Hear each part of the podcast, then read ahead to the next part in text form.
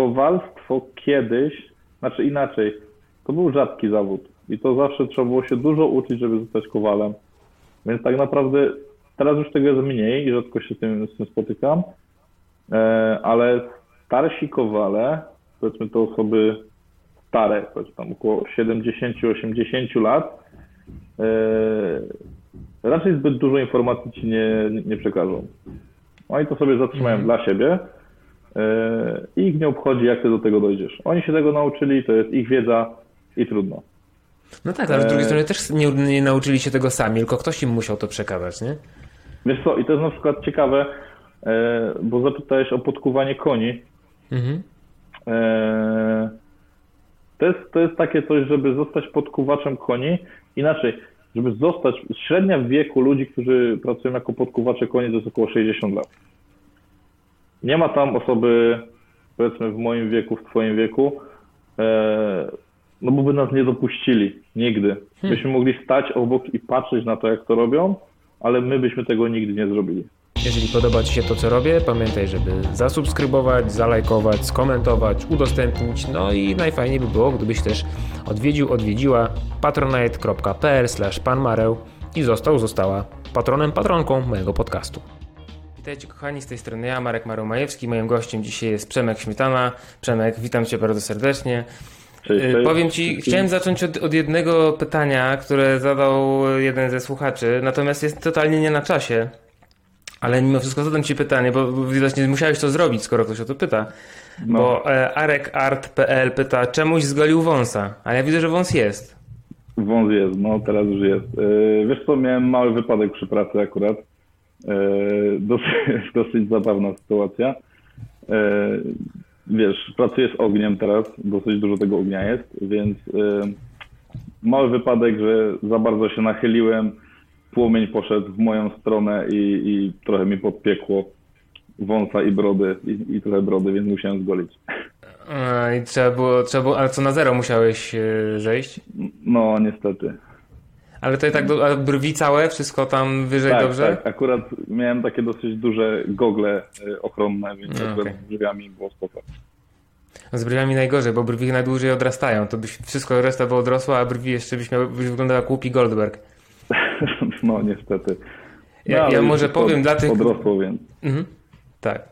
Ja może powiem dla tych, którzy odpalili podcast nie sprawdzając, kto jest gościem. Gościem moim, jak powiedziałem, jest Przemek Śmietana, natomiast Przemka ja poznałem jako crossfitera, już nie pamiętam ile lat temu, tam powiedzmy 4 czy 5, No, na jakichś kilka, zawodach. kilka lat temu było. No. Już kilka lat temu, na jakichś zawodach, na których Przemek y, startował, a ja byłem sędzią.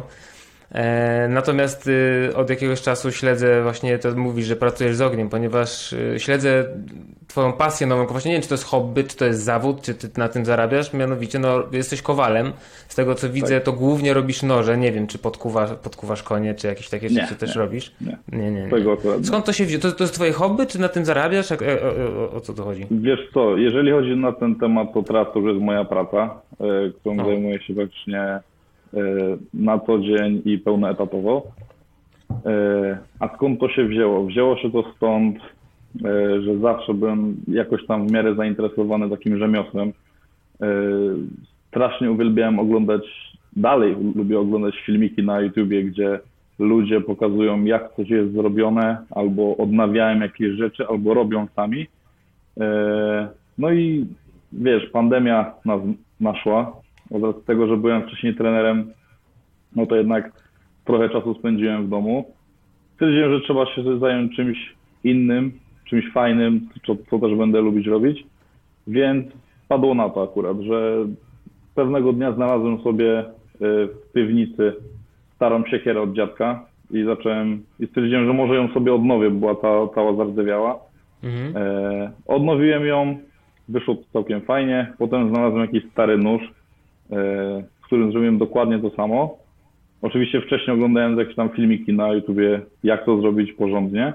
Mhm. E, no i tak wieczorem sobie siedziałem i stwierdziłem, że fajnie było coś zrobić od zera samemu, powiedzmy taki swój nóż, który będzie tylko mój i nikt go nie będzie mieć w Polsce, na świecie. E, Więc usiadłem sobie do tego, zacząłem o tym czytać, zacząłem sobie zamawiać różne rzeczy i tak naprawdę od tego, od tego mego kroku wszystko się zaczęło. I to było jakieś Ale to, czyli ty przed, przed pandemią e, jakby nie robiłeś nigdy tego wcześniej? Czy to jakby, bo to tak trochę zabrzmiało, że dopiero w, jakby w czasie pandemii zaczę, zacząłeś się tym zajmować? Wiesz co, wcześniej, wcześniej, jeżeli mam być szczery, y, sam osobiście tego nie robiłem. W mojej rodzinie było trochę rzemiosło. Y, Mój dziadek był szewcem przez całe swoje życie, a mój pradziadek był kowalem w, w hucie. Nie wiem dokładnie czym się zajmował, ale wiem, że był kowalem, więc zawsze te, te rzemiosło jakoś tam było. Zawsze też miałem rękę do, do takich rzeczy. Y, Więc tak, no teraz to mogę powiedzieć, że zacząłem się tym zajmować dokładnie dwa lata temu. Mhm. I y, na początku zajmowałeś się jakby restaurowaniem, powiedzmy, y, tych narzędzi. Wiesz To to, to wiem- był dosyć, do, dosyć krótki epizod akurat, bo tam było kilka rzeczy tylko, a potem Mhm. że jakoś tak płynnie chciałem przejść to, żeby coś samemu zrobić. No właśnie, ale od czego, bo to nawet, czekaj, bo żeby nie było, że ja wiesz, muszę, ktoś zapytał, to ja powiem, że on zapytał, bo tutaj chyba nawet dwie osoby pytały o to. Yy, o, Zygmeister pyta, jak zacząć przygodę z hobbystycznym kowalstwem i Intraster Swift Trust ym, pyta, tu już częściowo odpowiedziałeś, jak to się stało, że zostałeś kowalem, to, to już powiedziałeś, ale druga część pytania jeszcze, gdzie zdobywałeś wiedzę i doświadczenie? No bo to tak, wiesz, no też tak sobie kilka razy myślałem o tym, właśnie między innymi dlatego chciałem z tobą porozmawiać, bo to zawsze była taka rzecz, która mnie strasznie fascynowała. Ja też potrafię czasami wpaść w króliczą norę filmów na YouTubie i przez dwie czy trzy godziny patrzę, jak ktoś tam, nie wiem, łódkę robi. Kiedyś oglądałem przez półtorej godziny czy przez dwie godziny, był taki strasznie długi film, koleś przez rok chyba robił łódkę własnoręcznie od początku do końca. Ja po prostu siedziałem. Takie kanu jakby. Takie kanu, takie kanu. I No, nawet tam słowo nie padło w tym filmie. Nawet nie było słowa no. komentarza, nic. Po prostu było pokazane, że koleś gdzieś tam sobie na zewnątrz jest, tam sobie struga tę, tą łódkę. Ja siedziałem. Tak, tak, tak. Przez półtorej godziny oglądałem, nie? Natomiast nie wiem, czy to wystarczy do tego, żeby nagle rozpalić w piec. W ogóle skąd wziąć piec? I tak, gdzie ty to, co, w, garażu to robisz, wiesz? No bo, Wiesz co, Mhm. żeby zacząć ogólnie przygodę z kowalstwem, tak naprawdę nie trzeba mieć mega zaawansowanych rzeczy. E, Ja osobiście zacząłem od e, starej kupionej kotliny kowalskiej, e, którą wys- wyszarpałem na złomie akurat. To było dosyć śmieszne. Teraz musisz powiedzieć, o czym ty do mnie rozmawiasz. Kotliny Kowalskiej? Tak, kotlina kowalska to jest e, takie dosyć podstawowe powiedzmy, urządzenie, e, które służy do nagrzewania stali przy pomocy akurat węgla ko- koksowego, jak to było w moim przypadku. Jest blacha, w której jest zrobiony dół, do tego wsypujesz sobie węgla koksowego, od dołu masz dmuchawę, która wszystko podgrzewa, dodaje tlen, wiadomo jak jest ogień plus tlen, no to ten ogień staje się dużo cieplejszy. No i do tego sobie wprowadzasz detal, powiedzmy jakiś tam kawałek stali, który potem zaczynasz przekuwać w coś fajnego. Czyli Eee. mówiąc, mówiąc upraszczając, piec.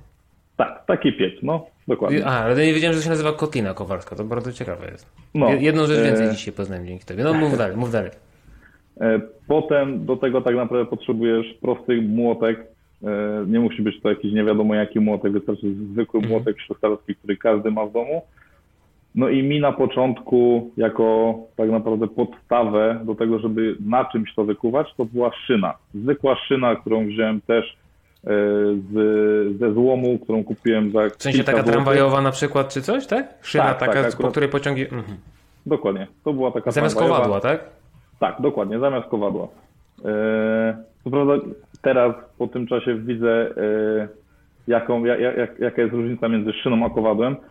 Wiadomo, jeżeli chcesz się tym hobbystycznie zajmować, to, to szyna będzie jak najbardziej, jak w 100% idealna do tego, ale naprawdę da się znaleźć takie w naprawdę fajnej cenie, to jest powiedzmy 100, 120, 200 złotych, tako, takie mniejsze kowadełko, na którym możesz już sobie zacząć robić jakieś mniejsze rzeczy.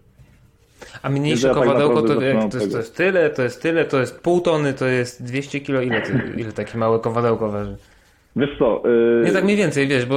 tak kowadło się... Wiesz, bo jak ja słyszę kowadło, jak ja słyszę kowadło, to ja mam przed No. oczami ze strusia pędzi wiatra, wiesz, takie gigantyczne Tak, kowadło, tak. które na kojota spadało, nie? To ono takie gigantyczne było, ale podejrzewam, że nie o takim czymś wielkim mówisz, nie? Nie, wiesz co, e, tutaj jeżeli chodzi o wagę kowadła takiego mniejszego, to jest około 30-20 kg. E, dosyć fajnie się na nim pracuje, mam takie, jedno z trzech akurat, które mam. E, fajnie się na nim pracuje, da się dużo rzeczy zrobić, tak naprawdę używam go najczęściej teraz E, więc około 20 kg, 30 to jest takie minimum. Dużo masz młotków? Tak, dosyć Dzi- dzi- dużo. mo- no. może trochę, trochę może dziwne pytanie, ale jestem ciekaw. Ile ma, czy, czy wiesz w ogóle może w takim razie, ile masz młotków? Czy jesteś w stanie policzyć? Wiesz co, akurat e, taką moją zajawką stało się to, że lubię kolekcjonować młotki e, różnego typu i naprawdę jakbyś się wdrążył w to i zobaczył ile jest rodzajów młotków, z którymi możesz sobie pracować, to jest niewyobrażalna ilość. Na ten moment mam około 30, około 40 młotków. E, Ale to, już to jest tak, że ze, z każdego z nich skorzystasz, czy to rzeczywiście jest na zasadzie, że tam powiedzmy połowa to jest kolekcja, która po prostu sobie gdzieś Nie, wisi? nie, akurat zdarza mi się korzystać praktycznie z, z każdego. Wiesz, każdy ma jakieś inne zastosowanie, każdy ma jakąś inną wagę, każdy ma inny kształt. Tutaj różnice pół kilograma mogą zrobić kolosalną różnicę, jeżeli chodzi o pracę w jakimś detalu. Bo na przykład tutaj y, młotkiem, który waży powiedzmy półtorej kilo, będzie się, wiadomo, teraz mi będzie dużo łatwiej, ale na pewno będzie się trudniej kuć, wykuwać rzeczy bardzo małe, bardzo detaliczne. Do tego mam dużo mniejsze młotki. A jeżeli chcę po prostu sobie większe detale y, porozpłaszczać, porozbijać, no to biorę tego półkilowe, pół, znaczy półtora kilowego, dwukilowego, nawet czasem trzykilowego i sobie na nim pracuję. Ale jest coś takiego, bo ja na przykład piekę chleb teraz się wkręciłem w, Mhm. w, w pieczenie chleba. I już widzę po sobie, bardzo się powstrzymuję, no bo też nie, miałem, nie, nie będę miał gdzie tego trzymać. No nie mam piekarni, tylko mam po prostu mieszkanie. Natomiast widzę po sobie, że już co drugi dzień oglądam, o, takiego koszyka jeszcze nie mam do wyrastania chleba na przykład, nie? Albo takie to, ta, u, tutaj jaki, jaki nożyk, patrz jaki ma fikuśną rączkę ten nożyk do, tam, do, do nagrania, nie? Czy, czy ty też masz coś takiego właśnie, że taki szpej dla kowali yy, jakby y, teraz też króluje w twoim, w twojej głowie? Czy to, jest, czy, czy, czy to jest taka zajawka, taka wkrętka jak kiedyś na crossfit, że koniecznie musiałeś mieć nano i ktoś ci sprowadzał je ze Stanów, bo tylko tak się dało Nie, w wiesz co, to jest akurat działa w, tym, w ten sposób, że y, zawsze czego jest, czegoś jest mało. Jak myślę, że coś mi wystarcza, to nagle zauważam, że jednak to jest za mało. Y, tak jak wszystko wykuwałem ręcznie y, za pomocą młotków, tak, teraz już potrzebowałem dużo większej maszyny i mam w pracowni taki trzytonowy młot duży, y, no hydrauliczny. Jakiś, coś hydrauliczny. Mhm. Tak, tak, tak. Yy, zacząłem na nim pracować, pracowałem na nim kilka miesięcy i zauważyłem, że jest mało. Mm. To I co ty wykuwasz? Zbroję? Już teraz? Tak, co się wykuwa takim gigantycznym, silnym młotkiem, młotem? Wiesz co, on nawet nie jest gigantyczny, ma po prostu dużą wagę. E, Tam głównym e, takim elementem jest sam bijak do tego. E, I teraz, sam bijak u mnie waży około 60 kg. To jest bardzo mała masa. No ale teraz wyobraź duże? sobie, że Jaki on ma, jaką on ma średnicę? To, to, to, ten, ten bijak, wiesz, ten, ten, ten, nie wiem co nazwać, ta, ta powierzchnia, którą uderzasz, bo waży 60 kg, ale to jest, to jest takie, to jest takie, to jakie to, jakie to jest wielkości? wiesz co, Średnicy. ja tego nie umiem objąć dłońmi. A, okej, to jest duży, bardzo, bardzo duży. Mhm. Tak, jest to dosyć, yy, dosyć szeroki taki tłok. E, no czekaj, bo teraz straciłem wątek w sumie. To Ja właśnie ja się pytam, co, ty, co ty tym robisz? W A, sensie, do czego używasz takiego narzędzia? Mhm. Wiesz co, tak naprawdę y, po dłuższym doświadczeniu i tak naprawdę dłuższej pracy na tym, jestem w stanie na tym młotku, na tym młocie bardziej, wykuć wszystko, ale głównie jest mi on potrzebny do skuwania tak zwanych damastów, tak jak widziałeś na moich pracach, a jak ktoś nie widział, to może sobie zobaczyć. Y, Na wielu ostatnich pracach y, na ostrzu widziałeś takie wzorki różnego rodzaju. E, tak, to jest tak zwany e, u nas w Polsce damast. E, to się wzięło z Ameryki akurat damast, ale w Polsce też to nazywamy dokładniej dziwerem skuwanym. E, to jest proces zgrzewania ze sobą dwóch stali, dwóch różnej jakościowo stali. Powiedzmy jest jedna stal o większej zawartości węgla, druga o mniej, mniejszej zawartości węgla. E, Robimy z tego sobie taką kanapkę, czyli przekładamy stal A, stal B kilkanaście razy. Rozgrzewamy to do około 1400 stopni. No, dosyć dużo. E, No i uderzamy z całej siły takim młotem bądź prasą, którą mam teraz, taką 50-tonową prasą, więc jest trochę łatwiej. No ale głównie do tego go wykorzystuję. A czy, czy może Amerykanom chodziło o to, że tu jest jakieś podobieństwo w wyglądzie do tej y, legendarnej damasteńskiej stali? Może dlatego oni tego określenia używają? Tak, tak, tak, dokładnie, to o to chodzi. No. Tak Mhm. naprawdę Ale- to, no, Nie, nie, mów, mów, mów. mów. mówię, że, No, może żebyś ty mówił, wiesz. E, że w sumie jeżeli chodzi o taką prawdziwą stal e, damasteńską, to do dzisiaj tak naprawdę nie wiedzą jak to robili kiedyś, więc Mhm. my mamy taką podróbę. Mm. Bo jakby y, przykłady tej stali damasteńskiej są, w sensie gdzieś jest jakiś, nie wiem, czy miecz, czy nóż, czy coś yy, zrobione w ten sposób, ale to w dalszym ciągu naukowcy czy kowale nie są w stanie tego zreplikować, tak? Tak, Tak, znaczy wiesz, 100%. to bardziej chodzi o to, że e, tak naprawdę Damas wtedy, to dzisiaj u nas e, byśmy to nazwali takim przetopem. To jest przetapiana stal e, z jakiejś tam rudy żelaza, z rudy stali, przetapiamy to i z tego sobie wykuwamy. A tutaj akurat Damas w tych czasach, no to bierzemy sobie kilka stali, zgrzewamy ze sobą i robimy różnego rodzaju wzorki. To musisz wyjaśnić różnicę, bo o ile jestem w stanie sobie wyobrazić, powiedzmy, nie wiem, e, kilka blach różnych stali Mhm. ze sobą skuwanych i okej, to jestem w stanie wyobrazić, ale o co Mhm. chodzi, że, sta, że stal jest e, przetapiana? W sensie, że jakby to z jednego bloku powstaje, tak? O to chodzi? Tak, tak, tak, że biorą po prostu całą rudę żelaza, którą wrzucają, rozgrywają do kolosalnej temperatury, że ta stal staje się płynna. e, No i po wystudzeniu powstaje taka, buł, taka bułka do, dosłownie, którą potem możemy przekuć powiedzmy w miecz, w nóż bądź cokolwiek innego. Mhm. Więc różnica jest tylko taka, że e, tak jak w dziwerze skówanym e, możemy sobie manipulować stalą i układać sobie wzory, bo naprawdę e, ja osobiście potrafię zrobić takie dosyć podstawowe, teraz będę się dopiero zabierał za takie bardziej skomplikowane mozaiki, a ludzie naprawdę robią prze, no, naprawdę takie wzory, że nie wyobraziłbyś sobie tego, jak to jest zrobione w ogóle. E, powiedzmy przez piórka, nie piórka, e, jakieś spirale, e, bądź różne mozaiki typu gwiazdki, inne takie e, fajne ułożenia.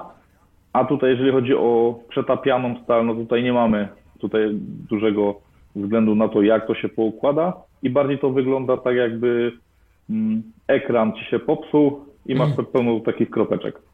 Mhm. Czyli to bardziej loteria na zasadzie tego, co, Tak. tam, co tam finalnie po prostu zostanie. Mhm, A dokładnie. czy to, czy, czy to, że właśnie robi się ten taki no, nowoczesny damask, że tam się. Za- zaczynam już używać słów z branżuni. Jak tam skuwasz ze sobą, powiedzmy, blachy różnej stali, to to, że to są blachy różnej stali, a nie jednolity materiał, to w jaki sposób to wpływa negatywnie na wytrzymałość takiego y, produktu, Mm. takiego noża na przykład? Nie. Czy to jest już tak skute, że wiesz, bo nie wiem dokładnie jak to tam, yy, jak dokładnie można skuć ze sobą zupełnie Wiesz dwie oddzielne, wiesz. Wiadomo, proces może się nie udać. Mogą powstać rozwarstwienia i jak jest jakieś rozwarstwienie, no to w tym miejscu może powiedzmy nóż pęknąć. Jeżeli nie ma tego rozwarstwienia, no to akurat tutaj, jeżeli chodzi o wytrzymałość, to nie ma zbytnio dużej różnicy. Jest tak samo wytrzymała, gdyby to był, gdyby to była jednolita stal, więc yy, a lepiej wygląda tak naprawdę. Mhm. A w czym jest lepszy taki, powiedzmy, wykuwany yy, nóż od takiego wyciętego po prostu z blachy i naostrzonego? Oprócz tego, że ładniej wygląda i że wiadomo, że ktoś to włożył dużo pracy i, i, i potu i prawdopodobnie spalił sobie wąsy yy, robiąc to, to w czym lepszy jest taki nóż? Od takiego co? robionego, wiesz, przemysłowo. Tu, aha, no bo teraz, aha, bo chodzi Bo mu- takie mówię, robione mówię o... przemysłowo. Wiesz, no Bo teraz tak, tak, tak, no. e, jeżeli chodzi o... Jest dużo robienia sposobów noża, to są takie główne, główne dwa, jeżeli chodzi o to, jak chcesz robić, zrobić nóż. Jeden jest taki, jak powiedziałeś, że bierzemy sobie gotowy płaskownik, powiedzmy z jakiejś stali i wycinamy z niego wzór i potem jest obróbka mechaniczna, obróbka cieplna i powstaje nóż. Jeżeli chodzi o wykuwanie, to jest właśnie ten sam proces, tylko że mamy inny kawałek stali na początku, musimy go sobie przekuć. Plus jest taki, że możemy go sobie od razu przekuć w kształt noża, więc tak naprawdę y, zaoszczędzimy dużo więcej materiału na tym. E, ale czy jeżeli chodzi o jakieś zalety, jeżeli to jest dobrze wycięty nóż, tak jak y, przy tej pierwszej wersji, to różnicy nie ma, ale jeżeli chodzi o te noże przemysłowe, które możesz sobie kupić e, powiedzmy w Lidlu, za 30 zł masz cały komplet noży. E, Nawet ostatnio znalazłem taki fejkowy Damas e, i on był chyba w Ikei. E, Też za chyba 90 zł. No tutaj, jeżeli tutaj duża e, rola to jest wytrzymałość tej stali. One są naprawdę mało wytrzymałe. Ostrość trzymią, nie wiem, kilka tygodni tylko. No i potem tak naprawdę musisz je ostrzyć na nowo, o ile nie pękną w którymś miejscu. Nóż zrobiony dobrze, bardzo dobrze, powinno się ostrzyć raz na rok, może, przy dobrym użytkowaniu. Więc tutaj, jak już widzisz, e, tym, plusem jest to, że ta stal jest dużo wytrzymalsza wtedy i możemy na spokojnie bawić się nożem dużo dłużej niż takim za 30 zł, 40 z jakiegoś marketu. Mhm. Mm. A. No. Czekaj, teraz mi z kolei wypadło z głowy, co chciałem cię zapytać, cię słuchałem. Em, a, takie ostrzałki, takie Mhm. wiesz, że masz taką plastikową rączkę, w środku takie dwa kółeczka, to w Ikei właśnie można kupić takie. To jest to w ogóle cokolwiek warte, czy, czy jak widzisz coś takiego, to robisz tak i uciekasz? Czy, czym, czym się powinno ostrzyć nóż? I jak? E, Ja osobiście używam, mam akurat dwa sprzęty do, do ostrzenia noży. Jeden to jest szlifierka wodna wolnoobrotowa i na tym najczęściej ostrzę, a drugi to jest taki rosyjski system ostrzący z e, diamentowymi kamieniami. E, To są niestety takie dosyć drogie zabawki, jeżeli chodzi dla normalnego jakiegoś tam użytkownika noża. E, Ale jeżeli ktoś chce sobie naostrzyć nóż, e, ja osobiście bardzo polecam zwykłe kamienie, które można kupić na Allegro. Kupić jeden kamień, gdzie gradacje są około 800, drugi to jest około 2000 i na tym możesz tak naprawdę przy odpowiedniej technice, tak, o, o, oczywiście ostrzenia, naostrzyć każdy nóż w domu. A nauczenie się tego to jest kwestia e, takiej praktyki. Noża bardziej nie zniszczysz, co najwyżej go lekko porysujesz, ale fajny efekt naprawdę daje takie użytkowanie takiego kamienia wodnego. Mhm. A kto cię uczył cię ktoś tego, czy to wszystko z YouTube'a? Czy ty tak jak Ben Smith w weightliftingu, kowalstwa się nauczyłeś z YouTube'a, czy ktoś cię uczył tego? Wiesz co, e, jeżeli chodzi o moje początki, to na początku naprawdę sam zacząłem wszystko sobie e, wyszukiwać. E, Jest dużo knifemakerów, jest dużo kowali, którzy przedstawiają to jak, to, jak to robić na internecie. Po jakimś czasie dopiero pojechałem sobie na szkolenie do moich teraz znajomych e, z Wrocławia. E, Nazywają się Viking Art, których bardzo teraz pozdrawiam. E, I oni mi tak naprawdę pokazali podstawy podstaw kowalstwa na ten, na tamten moment, e, które tak naprawdę przyspieszyły, myślę, mój rozwój dużo, dużo, naprawdę dużo. E, Sensownie wytłumaczyli obróbkę cieplną stali, e, jak przekuwać stal, jak dobierać stale do czegoś. E, I to był mój początek. Później e, znowu dużo książek czytałem, znowu dużo materiałów oglądałem. No i po jakimś czasie znowu pojechałem do nich na szkolenie, tym razem już ze skuwania stali, jak wcześniej wspomnieliśmy, żeby sobie skuwać właśnie damas. Mhm. Więc to były jak na razie Ej. takie dwa szkolenia e, typowo kowalskie. Jeżeli chodzi o szkolenia z noży, to nie. Noże, noże uczyłem się głównie sam robić.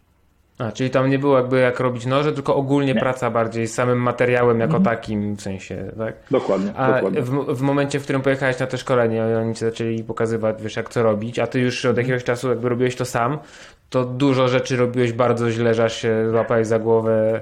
Jezus Maria, co ja tutaj w ogóle robiłem? Musiałeś się odzwyczajać, uczyć od nowa? Wiesz co, Czy to były bardziej nie. jakieś takie niuanse? Bardziej to były takie małe szczegóły. E, No młotek w dłoni każdy trzymać potrafi. E, więc bardziej było taką, żeby ogarnąć taką świadomość, e, jak uderzyć młotkiem, żeby w daną stronę przesunąć detal bądź stal. Więc to były naprawdę takie niezbyt ważne, znaczy bardzo ważne rzeczy, które już w jakiś sposób wiedziałem, ale na przykład nie wiedziałem, jak je mam wykorzystać na stali. Mhm. Więc to bardziej poszło w tą stronę. Wiesz co, używasz słowa detal. Ja nie jestem pewien, czy ja do końca rozumiem to, co ty mówisz, yy, próbujesz przekazać mówiąc detal, jakbyś mógł wyjaśnić. E, Mówiąc detal, mam na myśli e, kawałek rozgrzanej stali. A, okej. Czyli to takie po prostu b- z, z branży określenie slangowe Coś w na, na stal, no. w którą napierdalasz młotkiem po prostu. Jest- Tak, dokładnie. Okej, okej. A y, ty, ty robisz tylko noże, czy robisz też jakieś inne rzeczy? Wiesz co, e, od kilku miesięcy też mam za, e, tak naprawdę prowadzę firmę swoją, głównie związaną e, z całym kowalstwem i z wyrobem noży. Jak na razie na ten moment są to tylko noże, głównie noże użytkowe, znaczy tylko noże użytkowe, każdy mój nóż jest użytkowy, ale też noże kolekcjonerskie, czyli takie, których e, nie chciałbyś używać w domu. W sensie, Które się do niczego nie nadają, tylko, wygląd, tylko Znaczy- wyglądają, tak? Znaczy nie no, zrobiłbyś wszystko, ale byłoby ci szkoda. A, okej. Okej. No, bo na przykład są użyte troszkę inne materiały do tego, e, lepsze, ładniej. Czyli tak bardziej na zasadzie, że przychodzą do ciebie koledzy i ty patrz jaki mam zajebisty nóż. A ty, oni do ciebie, a ukrój nim coś, a ty spierdalaj, nie ma mowy, wiesz. Coś w tym stylu. Coś w tym stylu. Wiesz, to jest tak jak kupujesz no, Mhm. najnowsze liftery i przez pierwszy tydzień ich nie używasz, bo się boisz tak naprawdę i tylko je bierzesz do boksa, żeby każdy zobaczył, że je masz. Tak, a, a co trenujesz w starych cały czas? Dopóki No się nie rozlecą do końca. No, Dokładnie. dokładnie. Kumam. A powiedz mi, znaczy powiedz mi, przyznaj się, bo ja podejrzewam, znaczy gdybym ja się w końcu kiedyś zajął kowalstwem, Mhm. to tylko z jednego powodu, po to, żeby kiedyś pewnego dnia mieć na tyle dużo umiejętności w swoich dłoniach, żeby wykuć sobie miecz. Mhm. Powiedz mi, czy to jest jeden z powodów, dla których zająłeś się kowalstwem, żeby kiedyś pewnego dnia wykuć sobie miecz i czy planujesz to? E, Wiesz co, e, jak tak naprawdę, na, znaczy na pewno, to jest, to jest pewne, że moim takim dojściem docelowym jest zrobienie rekonstrukcji miecza e, królów z wikingów, Mhm. który w ogóle jest, wygląda fenomenalnie, e, ale tak, no, to, to było na początku takie must have, które się potem okazało, że tak naprawdę to nie jest takie proste, żeby wykuć miecz, miecz i do tego potrzeba dużo, dużo więcej skilla niż miałem go wtedy i nawet niż mam go teraz. Więc yy, jeszcze trochę czasu muszę sobie jakby poświęcić na to, żeby się tego nauczyć. A z czego to wynika? To nie jest tak, że miecz to jest taki po prostu większy nóż, a czy wiadomo, troszeczkę sam z siebie debila teraz specjalnie robię, ale to nie jest tak troszeczkę, że to jest taki po prostu większy nóż, po prostu potrzebujesz większego kawałka stali, a resztę robisz tak samo? To na, na czym ta różnica polega? Wiesz co, y, teraz mi bardziej utrudnia to, że y, nie mam takiego pieca, żeby zrobić całą obrób, obróbkę cieplną takiego. A, żeby e, zmieścić więc po prostu cały ten kawał żelastwa tam, tak? Dokładnie, dokładnie. Bo to jest jednak obróbka cieplna, czyli tutaj y, mówię o hartowaniu, to jest jedna z najtrudniejszych części y, produkcji miecza, noża, siekiery bądź czegokolwiek. Y, Więc na razie nie mam możliwości, żeby zrobić tak duży y, miecz, jaki bym chciał, ale myślę, że to jest kwestia jeszcze, tak myślę, roku i, i myślę, że coś fajnego powstanie. A jaki największy, najdłuższy nóż zrobiłeś do tej pory? Wiesz co, teraz akurat e, kończę dosyć fajny projekt, który wymyśliłem jakiś czas temu e, i to jest sztylet. E, I to, ten sztylet ma około 40 kilku centymetrów. No to już prawie miecz. No to 40 cm to jest gdzieś tak style, to tak już ciężko tutaj o nożu nawet mówić. To... Dlatego to już jest sztylet, więc y, wiesz. Mhm. Kumam. Ale w planach E, są jeszcze no. takie ciekawe, ciekawe, fajne rzeczy. Trochę większe, trochę mniejsze, wiadomo, e, ale zobaczymy, jak to się rozwinie tak naprawdę. Y, Mówiłeś wcześniej, że w tej chwili już jakby przerzuciłeś się całkowicie na, na kowalstwo, bo wcześniej byłeś Mhm. trenerem. Tak. Czyli rozumiem, że teraz absolutnie nic więcej zawodowo y, nie robisz, tylko kowalstwo Znaczy jest wiesz co, tutaj. y, żeby tak jakby nie zwariować, zostawiłem sobie kilka zajęć grupowych w klubie, w którym pracuję teraz. Bo lubię mieć ten kontakt z ludźmi akurat, wiadomo, że ta praca trenera jednak nigdy nie, ze mnie nie wyjdzie. Więc żeby nie, nie, nie zgłupieć, żeby trochę pogadać z ludźmi, bo wiadomo, w pracowni siedzę sam, głównie właśnie w słuchawkach, są muzyki pracuję, a tam, żeby właśnie sobie z kimś pogadać, pośmiać się, e, żeby mieć kontakt z kimś, no to wiadomo sobie zostawiłem tam te, to jest teraz 5 godzin w tygodniu, więc to jest bardzo Mhm. mało, ale żeby też jakaś taka mini odskocznia była. Ale ty masz jakby jednoosobową tą działalność, w sensie nie masz tam jeszcze oprócz tego siedmiu czeladników czy coś takiego, tylko po prostu sam wszystko robisz, tak? E, Na razie wsz- wsz- wszystko sam, no. Okej. Na razie, jest- planuję. No, na razie, nie, no wiadomo, jest, jest plan tutaj, y, żeby IKEA od ciebie brała te noże w pewnym momencie. Tak, Żeby tak tyle było. dokładnie. Żeby, żeby były porządne, a nie jakieś tam podrabiańce. A powiedz mi, e, czy taki rynek noży właśnie robionych ręcznie przez Kowala, fikuśnych, y, no umówmy się, no bo fikuśnych w porównaniu z tym, co właśnie na przykład w Lidlu można sobie kupić. Czy to jest duży rynek? Jest du, du, w sensie, czy ludzie w kolejce czekają po noże od ciebie? Czy to jest na zasadzie, że tak, no da się z tego wyżyć, ale ogólnie no to nie ma na to jakiegoś Wiesz wielkiego co, popytu? wiesz co, akurat e, to było dla mnie miłe zaskoczenie, e, bo wiadomo, że jak zaczynasz coś nowego i to jest nieznane, e, no to masz pewne obawy, tak? Czy to się przyjmie, czy ludzie będą to kupować, brać od ciebie. E, A tak jak mówię, miło się zaskoczyłem, że tak jakby taki feedback ze strony ludzi, którzy ode mnie wzięli noże i ludzi, którzy widzą je na, e, na social mediach, był aż tak duży, że na ten moment mam pracy na około kolejne pół roku. Super. Nawet jak wrzucałem informacje na swoje stories o tym, że będziesz gościem w podcaście Mhm. i, i wrzuciłem tam jeden z twoich noży, który po prostu znalazłem na, na No, twoim no, no, Instagramie, tak? Wrzuciłem jeden z tych noży. Właścicielka tego noża do mnie napisała, że to ona właśnie, że, że to mój, o jak fajnie, że to mój nóż y, Tak? wrzuciłeś. O, proszę. Tak, tak. No, no, no.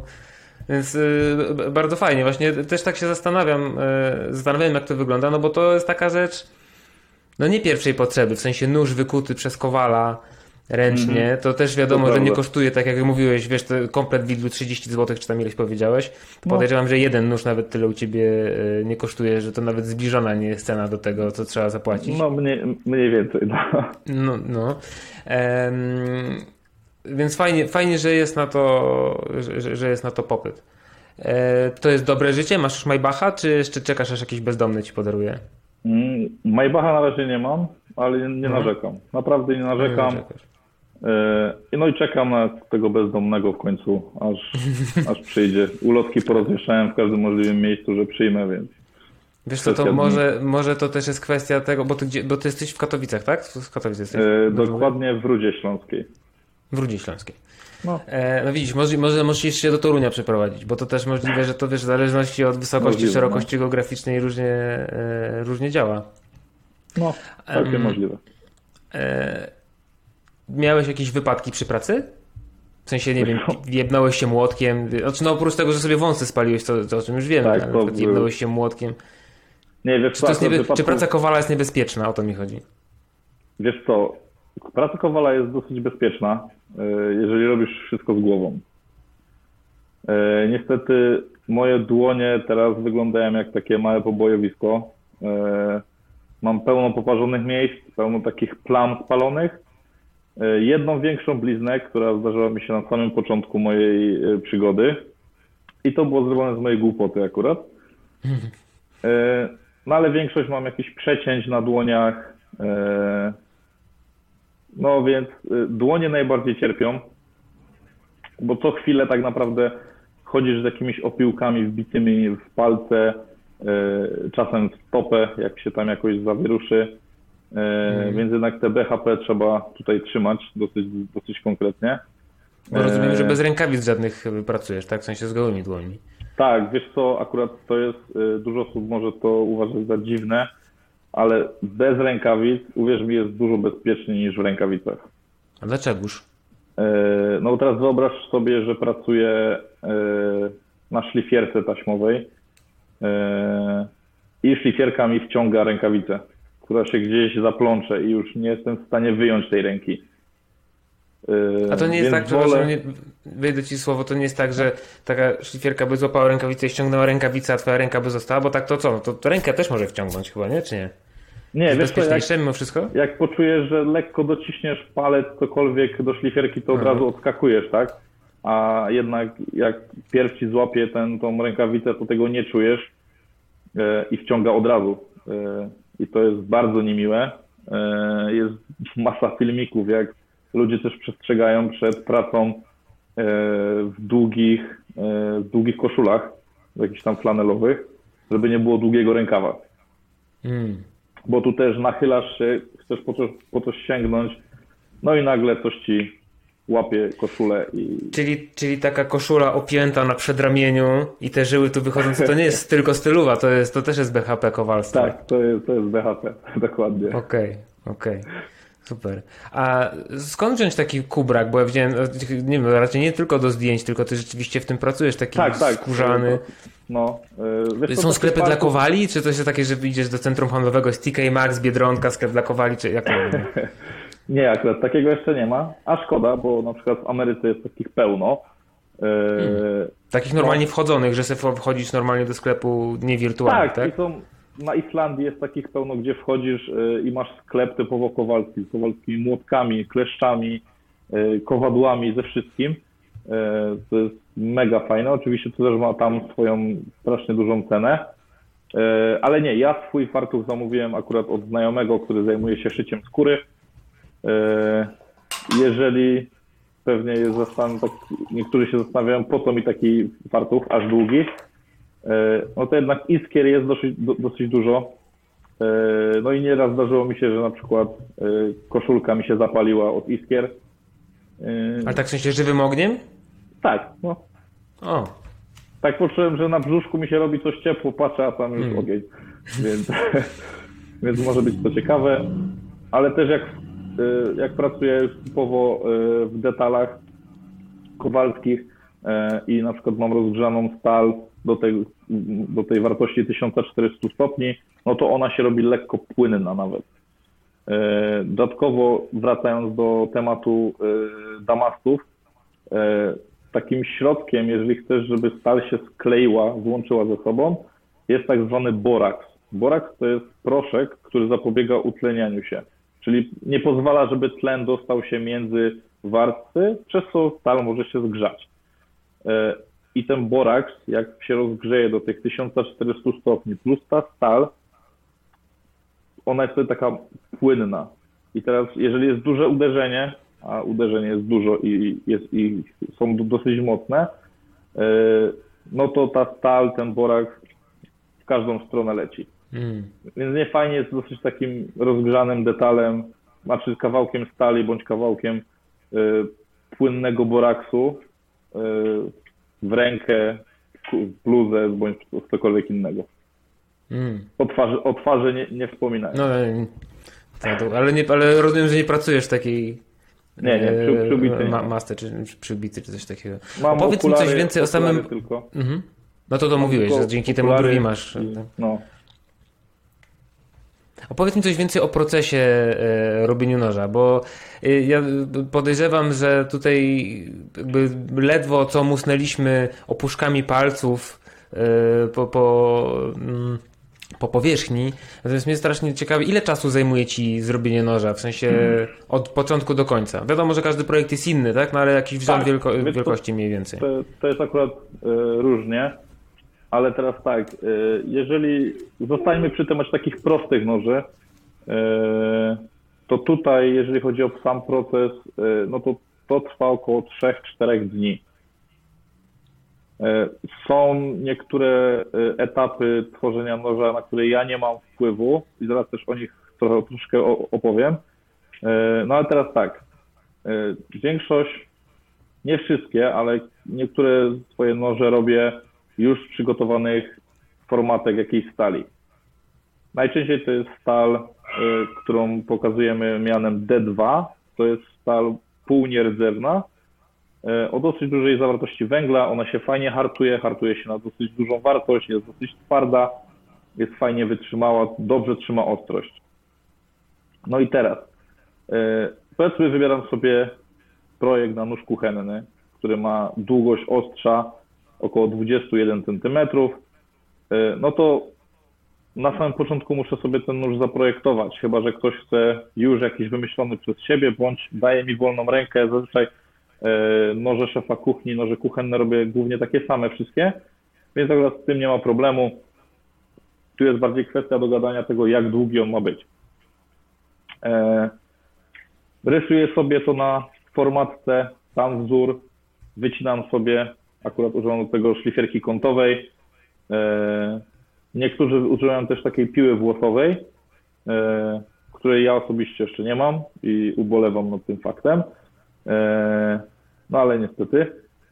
Wycinam sobie cały wzór, no i potem za, tak naprawdę zaczyna się cała zabawa taka bardziej detaliczna. Muszę cały wzór oszlifować na szlifierkach taśmowych dosyć dokładnie. E, trzeba zdjąć wszystkie takie twardsze krawędzie, takie bardziej zaostrzone. E, fajnie jest, jeżeli nóż jest fajny w dotyku i na przykład na grzbiecie noża jest takie lekkie zaokrąglenie, żeby kciuk był tam wygodnie osadzony, a nie ocierał się zawsze o jakiś kant. Mhm. Więc to też muszę zrobić. No i po takim już wstępnej obróbce na szlifierce taśmowej biorę się za e, tworzenie e, krawędzi tnącej. I tutaj też szlifierka taśmowa, akurat ja pracuję sobie nad tym ręcznie. Są do tego specjalne urządzenia, tak zwane jig, gdzie e, to jest coś w stylu takiego profila stalowego, który możesz sobie ustawić pod różnym kątem. No i teraz jak bardzo, jak większy dasz kąt, tak mały będzie tak mała będzie ta krawędź tnąca. Jeżeli chcemy, żeby ta krawędź tnąca była dosyć wysoko, czyli szliwy był położony praktycznie przez całe ostrze od góry do dołu, no to wtedy dajemy sobie minimalne nachylenie i przejeżdżamy. Ja sobie pracuję akurat ręcznie, więc trzymając nóż sobie przejeżdżam prawo, lewo, jedna strona, druga strona. Jak jest fajnie, równo wszystko to zostawiam. Jeżeli nie, no to muszę troszkę nad tym popracować. Oczywiście wtedy nie mogę zostawić tak naprawdę jakiejś dużej, znaczy minimalnej krawędzi tnącej, bo niestety przy hartowaniu może się to troszkę popsuć, może się nóż wygiąć, e, ostrze może się lekko pofalować, e, to nie fajnie jest to potem usuwać, e, albo musimy go od nowa rozhartować i tak dalej, i tak dalej. Po zrobieniu wszystkich rzeczy na szlifierce taśmowej, żeby szlif wyglądał ładnie, muszę przejść do takiego procesu, który dla mnie jest najbardziej nużący i strasznie go nie lubię. To jest satynowanie noża. Czyli biorę papier ścierny i usuwam wszystkie rysy od szlifierki, mm. tak żeby ładne, długie szlify od papieru ściernego przez całą długość, a nie wzdłuż ostrza. E, no i to, to trochę trwa niestety. Mhm. E, tak kilka godzin trzeba nad tym posiedzieć. E, ale jeżeli przed hartowaniem nie robię tego jakoś mega dokładnie, bo właśnie wtedy nóż wkładam do pieca i cały proces hartowania. Tutaj, jeżeli chodzi o stal D2, jest to temperatura 1050 stopni, czyli wrzucam nóż do pieca, piec rozgrzewam na 1050 stopni, chwilę trzymam tam nóż, jeżeli jest odpowiednio rozgrzany, no to wyjmuję, wkładam do oleju. E, a, poczekaj, a po czym poznajesz, że ten. Poczekaj, przepraszam bardzo, muszę wyjść słowo, czy no nie muszę, ale chcę. E, po czym poznajesz, że nóż już się rozgrzał? W sensie do tej temperatury, że to już jest już, a nie jeszcze musisz go tam chwilę podtrzymać. Wiesz co, są dwa sposoby. Ja mam mhm. sposób łatwiejszy, bo mam piec indukcyjny, który pokazuje temperaturę. Mhm. Drugi sposób, od którego tak naprawdę zaczynałem, to jest e, hartowanie na kolor. Czyli każda temperatura ma swój określony kolor. E, mhm. Czyli w tym wypadku to jest taki wiśniowy, mniej więcej wiśniowy. E, czyli jak widzę nawet, nawet wyżej akurat 1050 stopni, to jest taki już żółty, żółto-pomarańczowy, więc to jest już dużo wyższa temperatura. No i jeżeli widzę akurat u mnie na piecu, że jest taka temperatura, wyciągam, wkładam do oleju i tam akurat dzieją się cuda. E, mała ciekawostka, ja używam oleju, który każdy może kupić i to jest olej rzepakowy. To nie są jakieś nie wiadomo jakie oleje do hartowania. E, I kolejna ciekawostka jest taka, że olej ma właściwości chłodzące, kiedy jest cieplejszy. Czyli jak mam e, olej rozgrzany do okolic 100 stopni, to on szybciej schłodzi nóż niż olej, który ma temperaturę pokojową. Przewodnictwo ciepła jest dużo lepsze, wiesz? I Mm. akurat dosyć, a w hartowaniu jest do, dosyć ważne to, żeby tą stal odpowiednio szybko schłodzić e, i w miarę miarodajnie. E, potem, żeby sprawdzić, czy nóż jest zahartowany, ja akurat sobie e, sprawdzam to odgłosem pilnika, czyli biorę pilnik, przejeżdżam przez ostrze, to ma taki dosyć charakterystyczny dźwięk ślizgania się po stali. Czyli jeżeli pilnik ślizga się po stali, to znaczy, że nóż jest zahartowany. Jeżeli masz tak, że ciężko jest ci przeciągnąć przez tym pilnikiem przez yy, ostrze, no to znaczy, że coś poszło nie tak i trzeba go od nowa zahartować. Yy, po takim hartowaniu jest kolejny proces obróbki cieplnej i to jest tak zwane odpuszczanie. Odpuszczanie jest to rozgrzanie detalu, tutaj noża, e, w okolice 200 stopni. Najlepiej to zrobić w zwykłym piekarniku domowym. E, Po co? Po to, że jak hartujemy, to sprawia, że e, stal staje się twarda, ale krucha. Więc każde uderzenie, nie wiem, upuszczenie tego noża może spowodować to, że ten nóż pęknie. E, Jeżeli go wsadzimy do temperatury około 200 stopni na określoną ilość, to jest mniej więcej dwóch godzin, e, to nóż staje się dużo bardziej wytrzymały na jakieś tam pęknięcia niż, przed, niż po samym hartowaniu.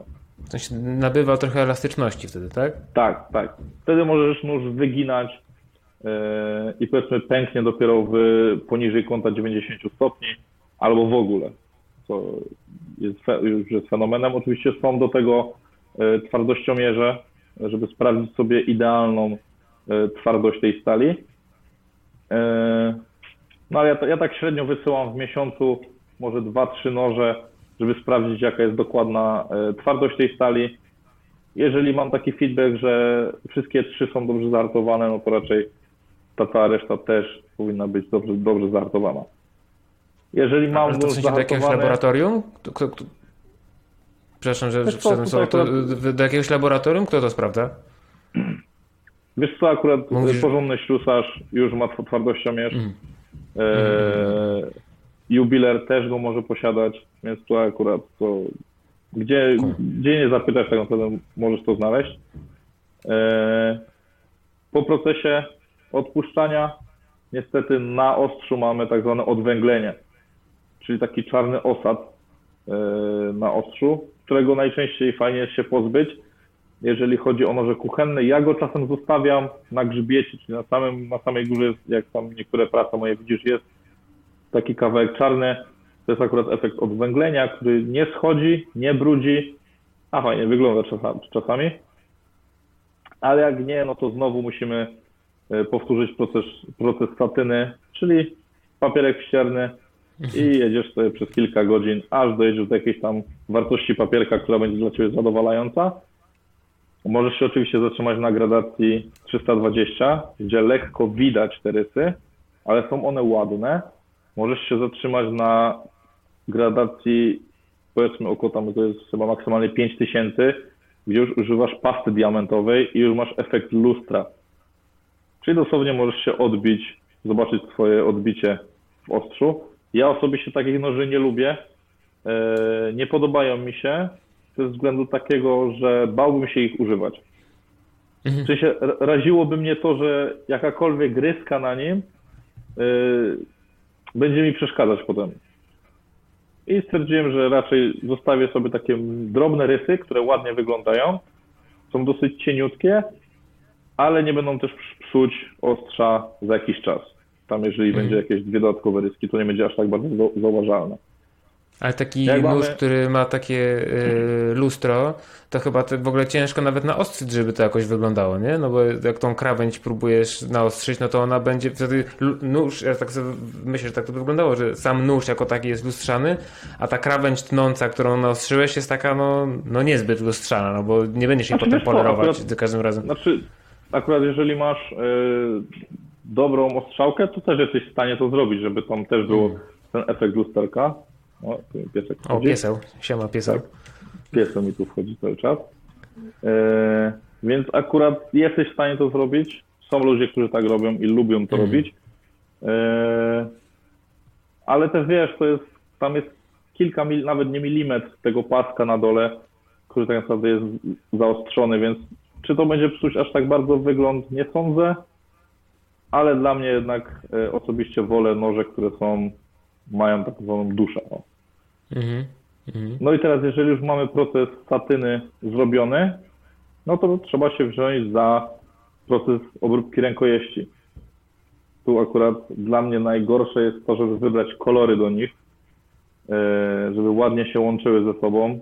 Jakieś tam fajne kolory innymi kolorami, jasne z ciemnymi, e, ciemnie, ciemne z, e, z ciemniejszymi. Dla mnie to, nie wiem, próbuję to robić jakoś w miarę na oko. Mam nadzieję, że mi to jakoś wychodzi. E, No i jeżeli ustalam sobie jakąś tam kolorystykę tej rękojeści, mogę oczywiście rękojeść zrobić całą w jednym kolorze,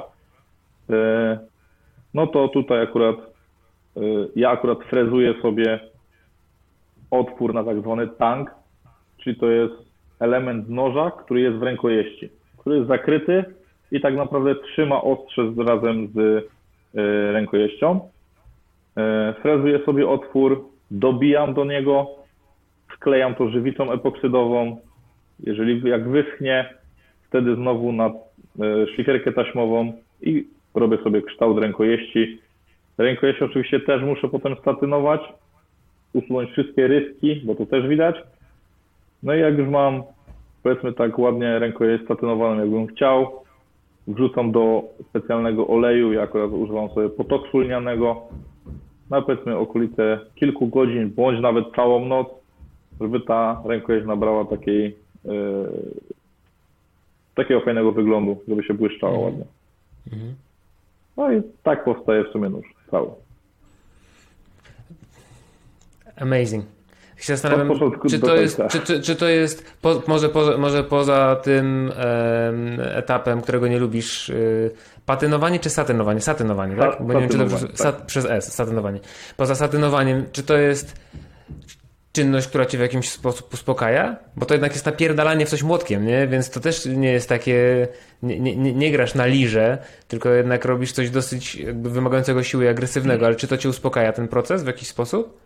Wiesz co, jeżeli chodzi o samo kucie, to jest fajne. To jest naprawdę, y, można się wyżyć. Y, dużo słyszałem, że dużo osób to traktuje jako taką terapię, ale wiesz, mogą sobie ponaparzać w coś y, całej siły, nie muszą myśleć o tym, co się z tym stanie.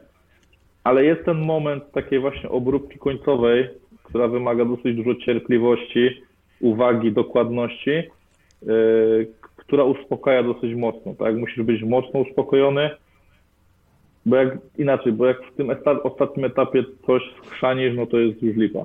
To ciężko to naprawić, musisz albo w głowie szybko wzór zmienić i powiedzmy tą rękojeść całą zrobić inaczej. Yy, Więc tutaj akurat ja sam mam często takie dni, że jak wchodzę, już widzę, widzę, że coś jest nie tak, od razu wychodzę. Mówię, i jak jeżeli to są jakieś takie etapy, które, gdzie już kończę nóż, to mówię w sumie, dobra, przyjdę jutro, zrobię to, co mam zrobić, bo nie chcę te, te, te, tego zepsuć. Mhm. Na przykład dlatego tak długo siedzę nad y, swoim sztyletem, bo siedzę już nad nim około dwóch tygodni. E, robię go tak naprawdę w chwilach wolnych i w chwilach takich, gdzie chcę go robić. Gdzie wiem, że nic nie skrzanie właśnie, że wyjdzie on tak, jak ma wyjść, e, żeby wyszedł jak najlepiej. A powiedz mi, biedny pieseł, chciałby zobaczyć, co tu się dzieje. Jak się pieseł nazywa? Ares. Jak Ares? Cześć Ares, Ares, no. Pozdra- pozdrawiam. Em, Pokaż się. Czekaj, bo teraz, bo te, właśnie, pokaż się, pokaż pieseł. A, to Tak? kawał psiny jakiś jest chyba, bo to, to chyba nie jamnik. Nie, Chyba coś nie- większego, super. To nie jamnik. E, czekaj, o coś ja chciałem zapytać, pies mnie, pies mnie wybił z pantałyku. A, bo chciałem, bo tak nie chciałem ci za bardzo, chociaż tak to zrobiłem parę razy, ale nie chciałem ci za bardzo przerywać, kiedy opowiedziałeś o to, opowiadać o całym procesie i mam nadzieję, że zapamiętałem wszystkie pytania, które chciałem doprecyzowująco zadać, bo mówiłeś o tym, że stal jest powiedzmy tam, nie wiem, średniowęglowa, czy wysokowęglowa, czy jakoś tam węglowa. Jak wpływa zawartość węgla na to, jaka jest stal i dlaczego się wybiera akurat taką, a nie inną do produkcji noży? Wiesz co, głównie tutaj chodzi o akurat sam proces hartowania. To jest dosyć dużo, powiedzmy, e, najwięcej stali można na złomach, tak? Tak naprawdę ja mogę pojechać na złom, znaleźć stal wysokowęglową, która będzie idealna na noże, na siekiery i tak dalej. E, Będę z niej mógł zrobić wszystko i będzie to wytrzymałe, a jeżeli stal jest niskowęglowa, niskostopowa, no to ona nie uzyska takiej twardości. Da się ją zahartować, ale ten, ona będzie naprawdę taka dosyć krucha. Yy, dlatego dużo osób robi na przykład yy, noże z pilników starych. To są jakieś radzieckie pilniki, które. Mhm. yy, I teraz, jak na przykład sprawdzić, jeżeli nie mamy specjalnego urządzenia do sprawdzenia jakości stali, bądź jaka to jest stal, i to pokazał mi mój wujek dawno temu. Potem pokazali mi to też chłopaki z Viking Artu, którzy byłem na szkoleniu. Ale podchodzisz sobie do szlifierki, przykładasz stal do szlifierki. No i teraz, jeżeli jest dużo isk i one są takie, te iskry są takie y, czerwone aż, to znaczy, że stal jest wysokowęglowa. Jest twarda, jest fajna. Jeżeli przykładasz i iskry już lecą bardzo rzadko albo są bardzo jasne, bądź w ogóle nie lecą, no to jest stal niskowęglowa i z niej, z niej raczej nic nie zrobimy. Mm. A te, ja, ja, Boże, nie mogę się wysłowić. Japońskie katany chyba są jakieś.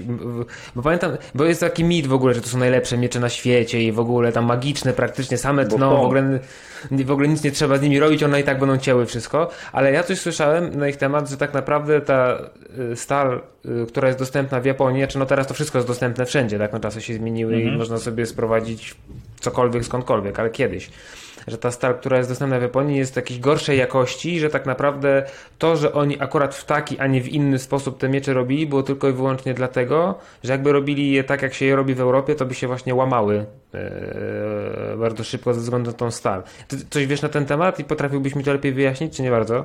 Wiesz co, Interesowałeś się akurat, tym? e, interesowałem się dużo katanami, ogólnie interesowałem się dużo taką bronią białą. E, I fajna ciekawostka, która nawet mnie zaskoczyła, ale jak myślisz, jaka była najbardziej śmiercionośna broń biała w historii? Polska szabla. Tak, dokładnie, to jest polska Znaczy strzelałem, ale, ale skoro się tak ucieszyłeś, to wyde, wy- wydedukowałem, że to będzie dobra odpowiedź. Naprawdę? Tak naprawdę. Coś Polska mi się kiedyś szabla obiło była- uszy, że to bardzo, że to bardzo dobra broń e, właśnie była, tak, Tak, już ogólnie żarty żartami. polska szabla jest połączeniem dwóch różnych szabl, y, bo ona ma ostrze właśnie z jednej i z drugiej strony, więc tniesz Mhm. w jedną i w drugą stronę. Y, Ale wracając do tematu katany, y, dużo o niej czytałem, y, dużo słuchałem tego, jak one są zrobione i sam proces tworzenia katany to jest, to jest dzieło. To nie jest zwykłe robienie miecza, to jest po prostu dzieło, którego uczysz się latami. Tak naprawdę wszystko, każdy etap w tworzeniu katany jest wyjątkowy i to jest yy, dosyć ważne, jeżeli chodzi o taką ich kulturę. Yy, No a teraz dlaczego były wyjątkowe? Były wyjątkowe dlatego, że właśnie miały dosyć wysoką twardość, były naprawdę nie do zajechania. Na przykład nie wiem, czy wiesz, ale katany robiło się z miliarda warstw. Tak, bo się, bo się składało cały czas tam najpierw 2, 4, o, Tak, tam 8, dokładnie. 16, Składa- 32 i to składa się tam, tak. Miliard. Mhm. Dokładnie. E, plus tutaj mieli, oni, oni mieli bardzo, bardzo dobrze e, rozwiniętą ten cały proces hartowania stali. Wiedzieli o niej wszystko, wiedzieli wszystko, jak to zrobić. E, do tej pory jest dużo filmików nawet od takiego polskiego makera, który nazywa się Ka- Kaminari. On akurat pojechał do jednej wytwórni w Japonii noży kuchennych i tam jest pokazane, jak oni je robią. E, I precyzja wtedy, gdzie to już jest tak naprawdę, e, robią to w masowych ilościach, precyzja każdego noża jest właśnie idealna. Oni nad jednym nożem poświęcają tyle czasu, e, że to jest ogrom, ale teraz wracając, tam nie było jednego makera. Jedną katanę nie robiła jedna osoba. To robiło sztab ludzi odpowiedzialnych, każdy był odpowiedzialny za, coś- za coś innego. Miałeś kowala, który był odpowiedzialny za wykucie. Miałeś potem e, szlifiarza, który sz- oszlifował całość. Potem był kolejny, który zajmował się obróbką e, cieplną. Potem miałeś kolejnych, którzy zajmowali się kolejnymi etapami. Więc tak naprawdę to wtedy, w tamtych czasach, to nie była nigdy jedna osoba. I proces też nie trwał u nas kilku miesięcy, ach, kilku tygodni, tylko tam proces y, powstawiania katany trwał miesiącami, jak nie latami. Tam, Dlatego te katany są aż takie dobre. I teraz y, wiesz, jak sprawdzano katany, czy są wystarczająco ostre? W jaki sposób? Tak, na więźniach y, trzeba było sprawdzić, czy da się jednym cięciem głowę obciąć. Nie, akurat Jeżeli dobrze... nie. Nie? Y, To co im obcinali? do, rze- do rzeki, wkładano Mhm. miecz do rzeki, ostrzem w dół i wrzucało się liście. Jeżeli liść płynął i katana go przecięła, to znaczy, że katana była wystarczająco ostra, żeby jej używać gdzie indziej.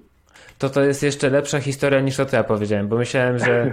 Znaczy, bo to, mo- moja wersja to był heavy metal, Tak, to, tak, to w sumie tak. nie wiem, co to jest, ale to jest, to jest, to jest kosmos po prostu. Nie, to No. nie, nie, nie słyszałem tego, naprawdę. Nieźle. To tak jak ta scena, pamiętasz, e, oglądałeś Bodyguarda z tym, Tak. z Whitney Houston? Czy tam ona rzuciła ten i- szal i on tam ten i...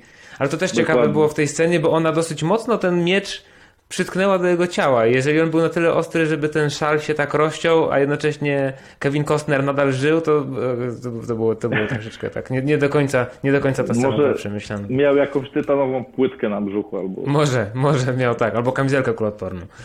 A wiesz co, chciałem się ciebie też zapytać o to, dlaczego się, bo na przykład, y, wiesz, no ja się nie znam kompletnie, tak, ale no parę filmów, gdzie tam machali mieczem i je czasami nawet wykuwali, widziałem i zawsze mi się kojarzyło, że hartuje się y, stal w wodzie. Teraz jestem w szoku, bo powiedziałeś mi, że, że robisz to w oleju. I jak, y, w sensie to też właśnie chodzi o przewodnictwo ciepła, że olej ma dużo lepsze przewodnictwo niż woda i dlatego się Tak, z oleju korzysta? można. Y, dużo rzeczy też się hartuje w wodzie. Y, typowo takie stale bardzo wysokowęglowe. Y, znam osoby, znam kowali, którzy tylko używają wody do hartowania. Więc tutaj tak naprawdę do czego jesteś bardziej przyzwyczajony, do tego używasz. Ja zawsze byłem uczony i uczyłem się tego, żeby hartować w oleju. E, Więc nie mogę się dokładnie wypowiedzieć, jak to wygląda, jak cały proces wygląda, e, jeżeli chcesz zahartować coś w wodzie. Wiem na przykład tylko tyle, że krzesiwa e, powinno się hartować właśnie w wodzie, Hmm.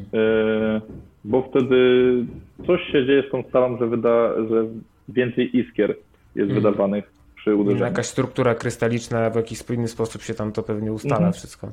Dokładnie. A o, o ile jestem w stanie sobie wyobrazić, co się dzieje z wodą w momencie, kiedy się wsadza do niej coś gorącego, to, coś, to, to jak wsadzasz do oleju coś, co ma ponad 1000 stopni, to czy ten olej się przypadkiem nie zapala?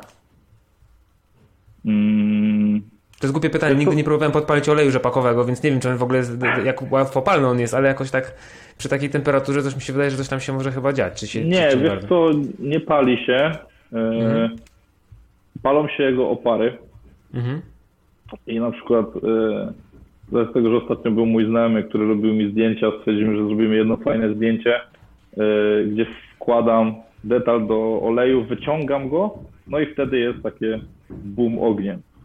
E, ale jeżeli włożysz go dosyć głęboko, to raczej tam może minimalny płomień na sekundę się pojawi, ale nie, nie zapali No, się. w, momen, w momencie tam wkładania po prostu, tak, jak kiedy jest No, dokładnie, dokładnie. A o, a olej też tak buzuje? W sensie on też jakby wrze?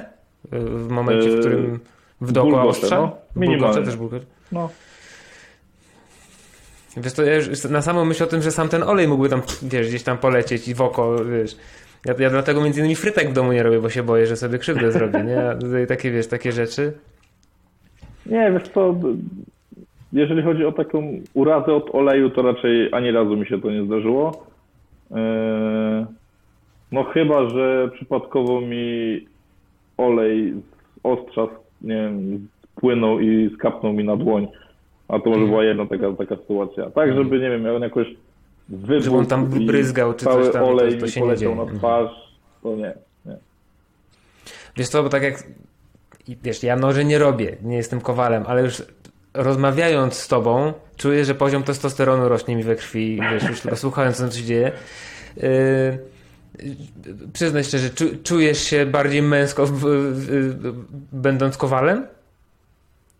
Wiesz co, Może trochę dziwne patrząc- pytanie, ale, ale patrząc na to, że w dzisiejszych czasach dużo osób chce zostać po prostu influencerami, tiktokerami i youtuberami, nie obrażając tych osób oczywiście, no dziękuję. e, jest to, jest to inny zawód, to na pewno. E, Czy powoduje to, że czuję się bardziej męski? Nie wiem, bo teraz to patrzę na to jako, po prostu jako zawód, e, gdzie wykonuję po prostu pracę taką jak inni.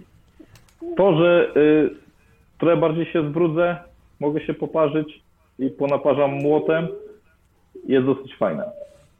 To jest fajne uczucie. No, no, ale nie, nie powiesz mi, że w momencie, w którym wiesz, masz taki kawał stali i napierdalasz w niego młotkiem i te iskry lecą po prostu, nie? A potem go wkładasz do tego oleju, to na olej robi jakieś dziwne dźwięki z siebie wydaje i tak dalej, to opary i to wszystko i ty w tym fartuchu takim, wiesz, jakbyś dopiero kogoś zamordował, zaraz będziesz ciało ćwiartował, to musi w jakiś sposób, wiesz, znaczy tak sobie to wyobrażam, może romantyzuję cały ten proces, nie? Ale No, tak sobie wyobrażam, że to musi jakoś no. pozytywnie troszeczkę wpływać, wiesz, to taką samoocenę też nawet, wiesz, na zasadzie, że co, tak, no to, to akurat y, ma to jakiś tam wpływ, na przykład na to, że y, powiedzmy dużo osób na przykład nowo poznanych pyta się, czym się zajmuję, y, no i mówię, że, że jestem kowalem bądź nożownikiem, y, bo kiedyś na, zawód osoby, która wykonywała noże, to był nożownik, y, teraz to jest wiadomo przestępca, który dźga nożem, y, ale raczej używam tego stwierdzenia knife maker. No ale wiesz, ludzie tak mówią, kurde, jak może być kowalem? Raz w tak ogóle się ja to żadnych koni nie widzę, nie? Nie, bo pierwsze skojarzenie kowal to jest Tak. takie, że konie podkuwa, nie? to jest podkuwanie koni. E, Wiesz co, też raz zdarzyłem się z takim czymś, że powiedziałem komuś, że jestem kowalem i ta osoba mi odpowiedziała, że mam nie kłamać, bo, koma, bo kowale już nie istnieją. E, Więc e, jest to inny zawód, ciekawy i taki rzadko spotykany. Mhm. Chociaż znam naprawdę strasznie dużo ludzi, którzy zajmują się kowalstwem. No wiesz, jak już Bądź- siedzisz w tym środowisku, to, no to wiadomo, że znasz tych ludzi. To tak samo jak, wiesz, jak się siedzi w środowisku crossfiterów, No. wiesz, jeździ, jeździło się po zawodach, to się, to się wydawało, że wszyscy w Polsce się crossfitem, wiesz, interesują, bo tam, bo, bo tyle tych osób było, nie? A tak naprawdę to jest jakiś tam mikrowycinek w ogóle, wiesz, i nisza, nie? No, dokładnie. A je, dokładnie. jest, jest coś takiego jak community kowalskie w Polsce, czy tak nie bardzo? Czy raczej każdy sobie i Wiesz co, e, jakieś jest, grupy na Facebooku, hej, patrzcie, wykułem tak, tak, taką e, jest akurat tych grup jest strasznie dużo. E, powiedzmy, są fora kowalskie, forum typowo dla knifemakerów, są fora dla osób pracujących w skórze, w kamieniu. No naprawdę tych grup jest tyle, że no, strasznie dużo. Mhm. Też jest to minimalnie podzielone, niestety, e, bo kowalstwo kiedyś, znaczy inaczej, to był rzadki zawód i to zawsze trzeba było się dużo uczyć, żeby zostać kowalem.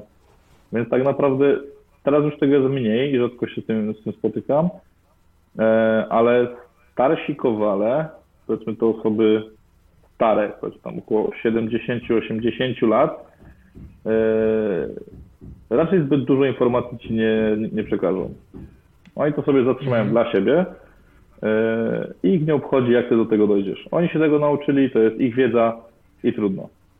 No tak, ale z drugiej E, strony też nie, nie nauczyli się tego sami, tylko ktoś im musiał to przekazać, nie? Wiesz co, i to jest na przykład ciekawe, e, bo zapytałeś o podkuwanie koni. Mhm. E, to, jest, to jest takie coś, żeby zostać podkuwaczem koni.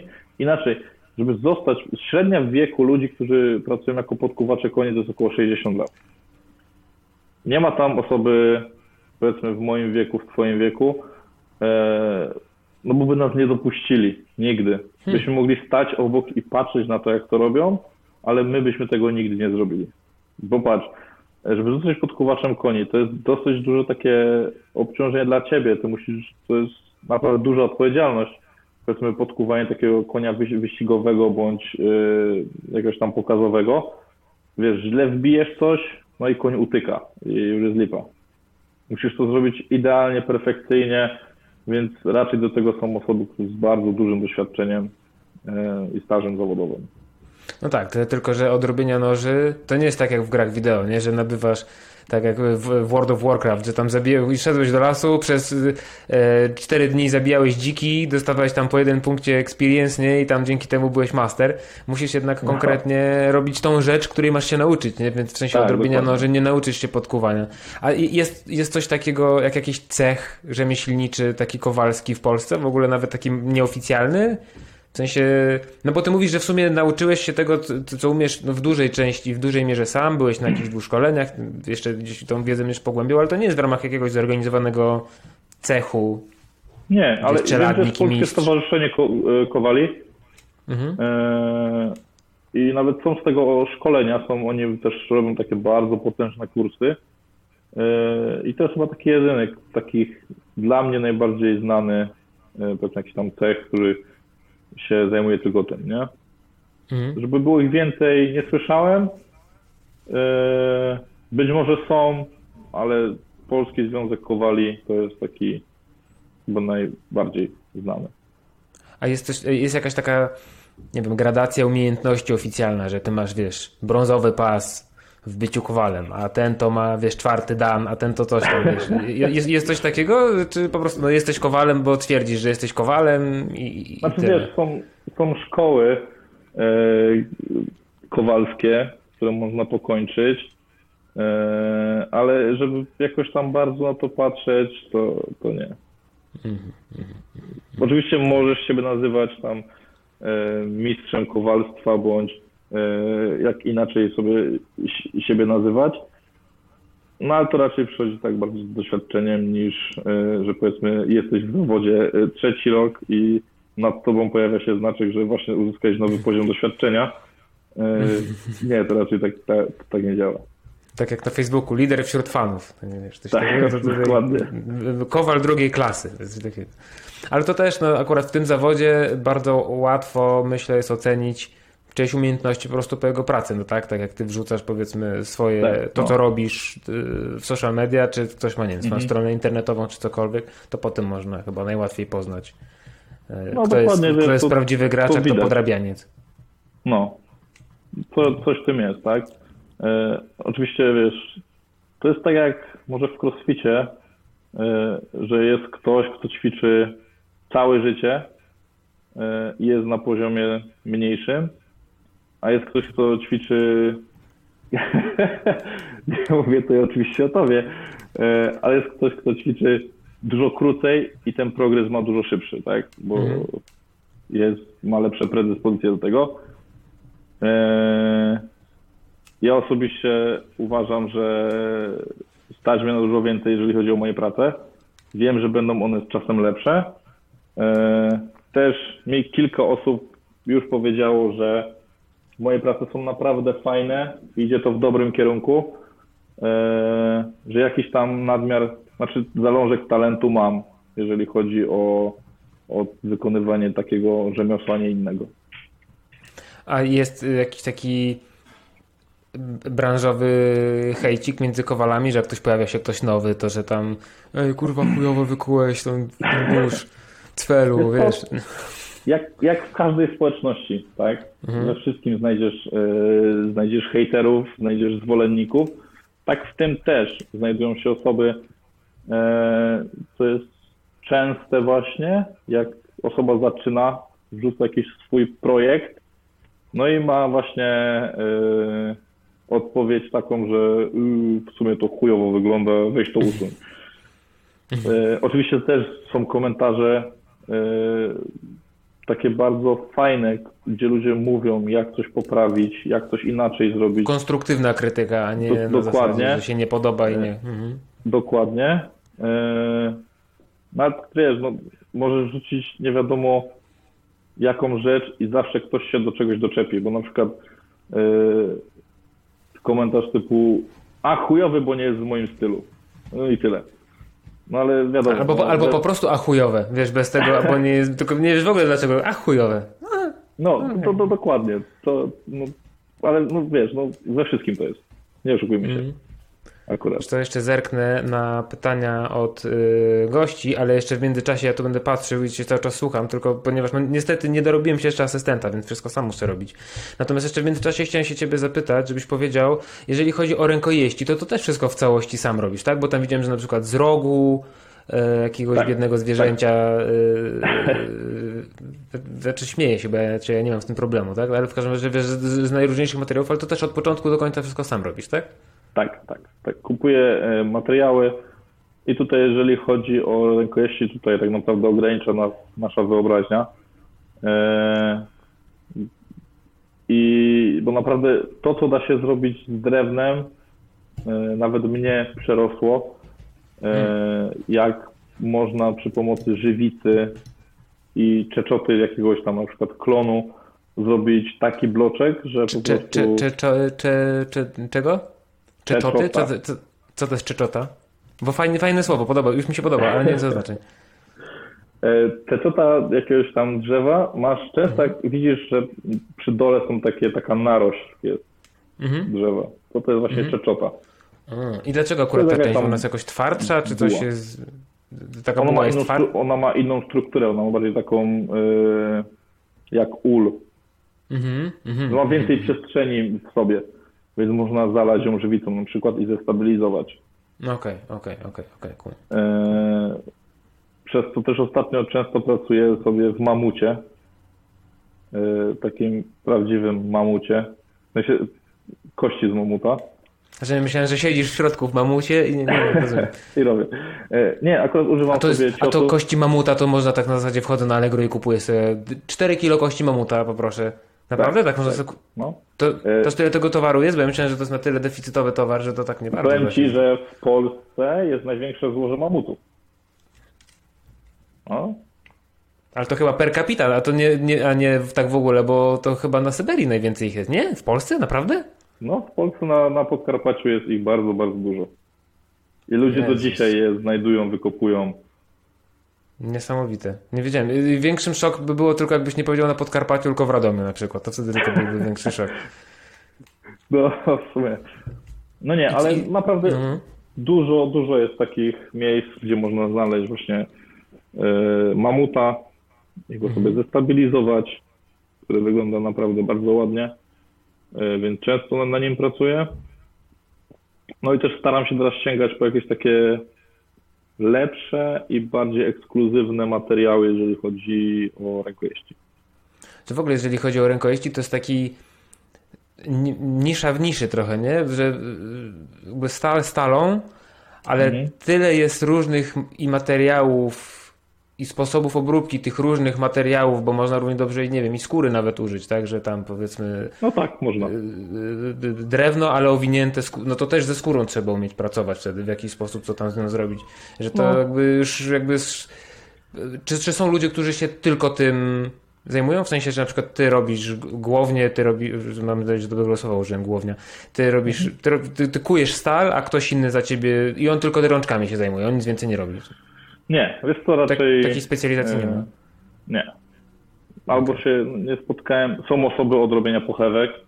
Mhm. E, Sam mam taką osobę w swoim teamie, e, któremu wysyłam nóż. On mi pod to szyje pochewkę, odsyła to do mnie, bo zajmuje się tym całe życie, tak? Mhm. E, I wychodzi mu to fenomenalnie. Mi to wychodziło strasznie. E, Więc stwierdziłem, że będę się trzymać jednej określonej ścieżki i będę robić tylko noże. Ale nie takiej typowo osoby, która zajmuje się e, rękojeściami nie ma. bardziej bym powiedział, że są osoby, które są bardziej odpowiedzialne za to, żeby zrobić y, ostrze. Hmm. Żeby naostrzyć w sensie, tak? Nie, w sensie, żeby zrobić cały już przygotowany, yy, całą przygotowaną głownię, zahartowaną, yy, wyszlifowaną Hmm. i ty ją sobie tylko oprawiasz. A, okej, okej, okej, okej.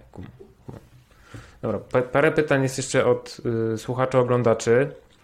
Maciek Małek ma do Ciebie pytanie. O, Uwaga.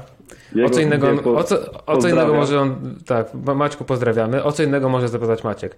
A może jakiś kuty kubek do kawy? Maciek jest O, zapalonym kawoszem. Czy, czy w ogóle dałoby, myślisz, że tak, z takiej blachy dałbyś radę, no bo na jakiejś prasie, no to wiadomo, no, są stalowe kubki, tak? Da, da, da się wycisnąć. A myślisz, że dałoby się wykuć kubek? No pewnie. Dlaczego No nie? Maciek, dowiaduj się. Możesz Myślę, mieć że- pierwszy... Po... Wiesz, no to jest osobna część kowalstwa, tak? Tworzenie zbroi na przykład, płatnerstwo, yy, gdzie typowo pracujemy na blachach. Ja sobie się z tym nie zajmuję, nigdy nie próbowałem, chociaż chciałbym kiedyś spróbować dla samego siebie, yy, żeby zobaczyć jak to jest i wyklepać sobie coś. Jest dużo poradników, jak zrobić sobie na przykład własną rękawicę, yy, taką ze zbroi bądź czegokolwiek. Więc kubek myślę, że będzie dobrym początkiem, więc Maciek yy, na pewno będziesz słuchał, więc możesz się odezwać. I Maciek, dogadamy. dowiaduj się, będziesz miał kuty kubek od Kowala. Będziesz największym, będziesz najbardziej hardkorowym kawoszem w Polsce. Mam jedno dziwne pytanie. Natomiast ponieważ Tak. sam jestem ciekaw odpowiedzi, mam nadzieję, że znasz odpowiedź, bo sam, chciał, sam chciałbym wiedzieć. Nie wiem, może to jest jakiś inside joke. Koczubka pyta, dlaczego wilk tak wyje w księżycową noc? Yy, Hmm. Czy to, to nie jest jakiś mógłbym- inside joke? Nie wiem, ale mógłbym się odnieść do Okej. kultury nordyckiej, którą jestem bardzo zafascynowany. Mhm. Mm, I w kulturze nordyckiej jest taki, taka przypowieść e, i też wtedy wikingowie tłumaczyli tym sobie, dlaczego jest dzień i noc. E, Mamy dwa byty i to jest słońce i księżyc i to jest money and soul. I żeby e, tutaj, żeby sobie to utrudnić i żeby był dzień i noc, zostały też stworzone dwa wilki, Hati and Skol. I one goniły słońce i księżyc, je podgryzały. Dlatego był, oni to sobie tłumaczyli, że dlatego jest dzień i noc. No i jeżeli złapali jeden z jednego, albo oba naraz złapało się, e, wilk złapał e, księżyc, drugi wilk złapał słońce, to to zwiastowało nadejście Ragnarok, czyli końca świata. Powiem Może ci, dlatego spod- wyje, bo musi go w końcu dogonić. Jest teraz dalej. Po... Jak ty mnie zaimponowałeś w tej chwili, ja się naprawdę nie spodziewałem niczego po tym pytaniu. Myślałem, że to będzie na zasadzie, wiesz, świerszcze, cisza i nic. Ale... Bro, czekaj, wiesz co, ja od- odkryłem dzisiaj, że ja mam efekty tutaj specjalne. Poczekaj chwileczkę. Nie wiem, czy, jest, czy słychać? Mam nadzieję, że słychać. Ja ich nie słyszę akurat, więc... Ty ich nie słyszysz. Dobra, mam nadzieję, że się nagrały. Klapanie było, było klapanie. No, mam nadzieję, że się nagrało. Jak nie, to będzie tylko dziwny taki moment, gdzie obaj siedzimy i robimy. Więc mam nadzieję, że się nagrało.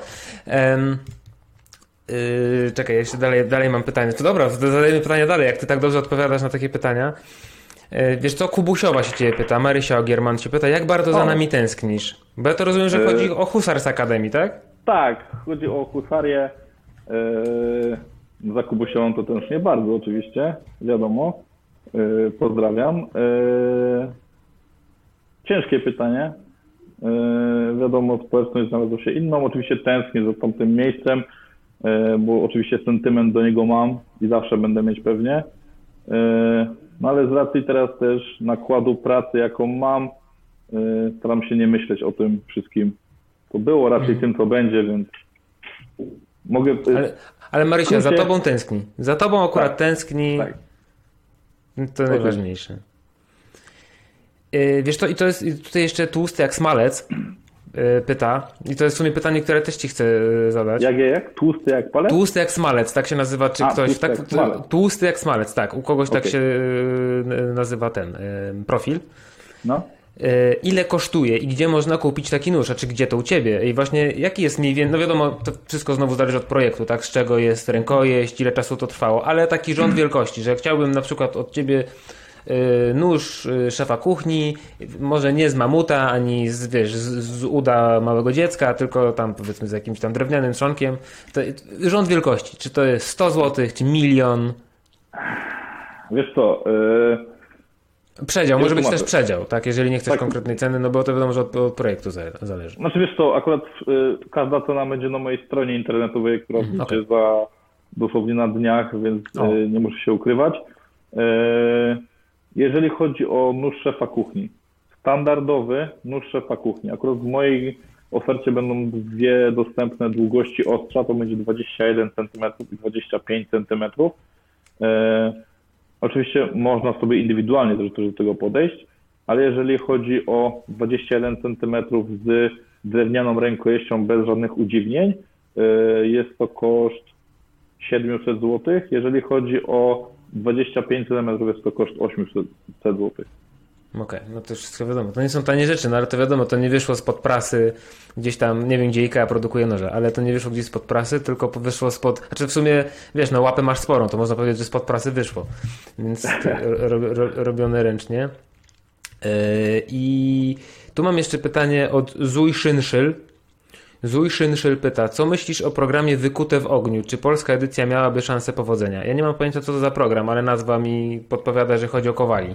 Wiesz co, y, Wykute w ogniu jest to program y, taki typu reality show, do którego y, do czego by ci to porównać? Coś w stylu jak Ninja Warrior. Jest casting, na który zgłasza się... A ja wiem, co oni mają zadanie i kują i robią miecz, a na końcu tym mieczem tną pół tuszy świni na przykład, czy coś takiego, tak? Tak, Wie, już kumam, już wiem, już znam, To widziałem, o nim tak. sądzę. Sam od niego zaczynałem. Y, Dalej Hmm. mam do niego y, sentyment strasznie duży i osoby, które y, oglądały, oglądają, wiedzą, że jest tam taki moment, gdzie główny jeden z przedstawicieli przecina na przykład świniaka, no i tak z takim uśmieszkiem na twarzy mówi it will kill. Więc y, to jest taki fajny, no jest, fa, fajnie się to ogląda. Osobiście nie, nie poszedłbym do takiego pro, programu. A dlaczego? p- presja czasu. Mm. Wiesz, mie, mieć 8 godzin na zrobienie czegoś fajnego. y, wydaje mi się, że tam duże, dużą tak jakby procentem jest szczęście, jeżeli chodzi o na przykład te kilka godzin. No przykładowo, e, proces hartowania plus proces odpuszczania dla mnie to jest około 4 godzin pracy. No to nie wyobrażam sobie e, No tak, mieć że- na przykład 6 godzin na zrobienie noża, gdzie 4 godziny z tego muszę poświęcić na samą obróbkę cieplną, więc tam obróbka cieplna to jest włożenie do pieca, zahartowanie I liczenie, i że będzie wszystko w porządku. piecu. nie? i odpuszczanie też w piecu na kolor, który jest bardzo ciężko uzyskać. Jest to taki kolor smoke'owy.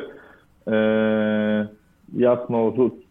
Czy na kolor w sensie, że się obserwuje, tak? Że w momencie, kiedy osiągnie określony Tak, kolor, tak, to, to jest- wtedy już jest To jest gotowy. taka, taka, tak, taka barwa nalotowa. Mhm. Eee, czyli wiesz, podgrzewasz, podgrzewasz i on tam się dojdzie do jakiejś temperatury, tam temperatura przejdzie na przód ostrza, no i wtedy widać, że jest odpuszczony, no ale to też nie wychodzi w 100%. Eee, więc ja, ja bym raczej osobiście nie poszedł takiego programu. W Polsce e, dużo osób podziela moje zdanie z tego, co wiem, bo też mieliśmy kilka takich rozmów na ten temat, Mhm. Ale myślę, że wiesz, gdyby dać im fajną nagrodę, to każdy by poszedł, no. No, no, no nie oszukujmy się akurat. No tak. Jakby, jakby jakiś bezdomny tam zrzucił kilka samochodów, które można byłoby wygrać, to wiadomo. Dokładnie. To by ludzie poszli. A tam wiem, że w tej amerykańskiej wersji tam było do wygrania chyba 100 tysięcy dolarów, e, więc to jest dużo. To jest dużo, To jest sporo. może dla niektórych to jest mało, ale no, ja bym Nie, chciał... ja, jak to jak jest dla kogoś mało, to niech mi da. Ja chętnie przytulę, dla mnie to jest dużo. Bardzo bym się cieszył, gdybym dostał. Słuchaj, mam do ciebie jeszcze. No, no, No. mów, mów. E, Nie, mów, mów, mów. Nawrócić do tych wykutych w ogniu, gdzie Mhm. fajnie widać różnicę e, sprzętową od ludzi. Wiesz, jak oni przechodzą, Mhm. e, tam jest etap, gdzie muszą wrócić do swojego domu i w swoim domu mają na przykład 4 dni na zrobienie czegoś. I fajnie jest pokazanie to, pokazane to, na jakich sprzętach pracują, że gdzie niektórzy naprawdę pracują na sprzętach, które nawet każdy może zrobić. Ty możesz sobie pójść do garażu teraz i zrobić ten sprzęt. E, Mhm. Więc naprawdę to nie są ludzie, nie wiadomo z jakim zapleczem sprzętowym, yy, z kosmosu za kilka, kilkaset, kilkadziesiąt tysięcy, yy, tylko są proste chłopy, które pracują jako kowale, zajmują się na przykład knife makingiem, chcą sobie dorobić, idą do takiego programu i potem robią co w ich mocy, żeby to wyszło. To jest mega fajne. Mhm. I to tam fajnie pokazuje, yy, na przykład pracują, jak ja mam teraz kupiony swój młot duży, o którym wspominałem na początku. Yy, jest to młot, który nazywa się MS60 yy, i jest to młot z 1957 roku. Więc to nie jest znówka sztuka, Mhm. Yy, ale jest przez kogoś zrobiony, przez jakąś firmę. Prawdopodobnie jest to młot niemiecki, bo oni robili w tych czasach najlepsze takie rzeczy.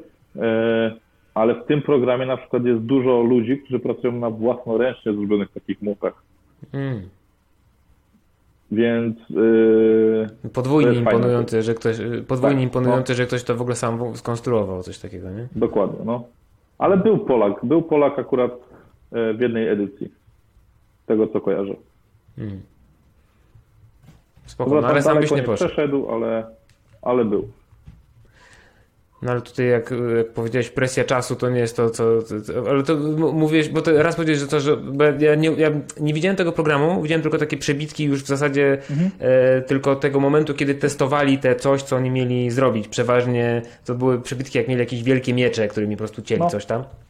I tu mówisz, że e, to, to jest różnie, że raz mają 8 godzin, raz mają 4 dni, bo tak e, raz tak, raz tak e, bo tak, na początku, z tego co wiem, pierwszy etap to jest wykucie kleszczy, na które masz półtorej godziny.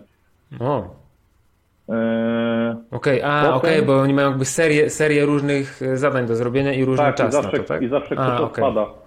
Potem na przykład y, w jednej, gdzie już na przykład zostaje ich trzech, da, na przykład do zrobienia mają nóż i mają do wykorzystania gwoździe.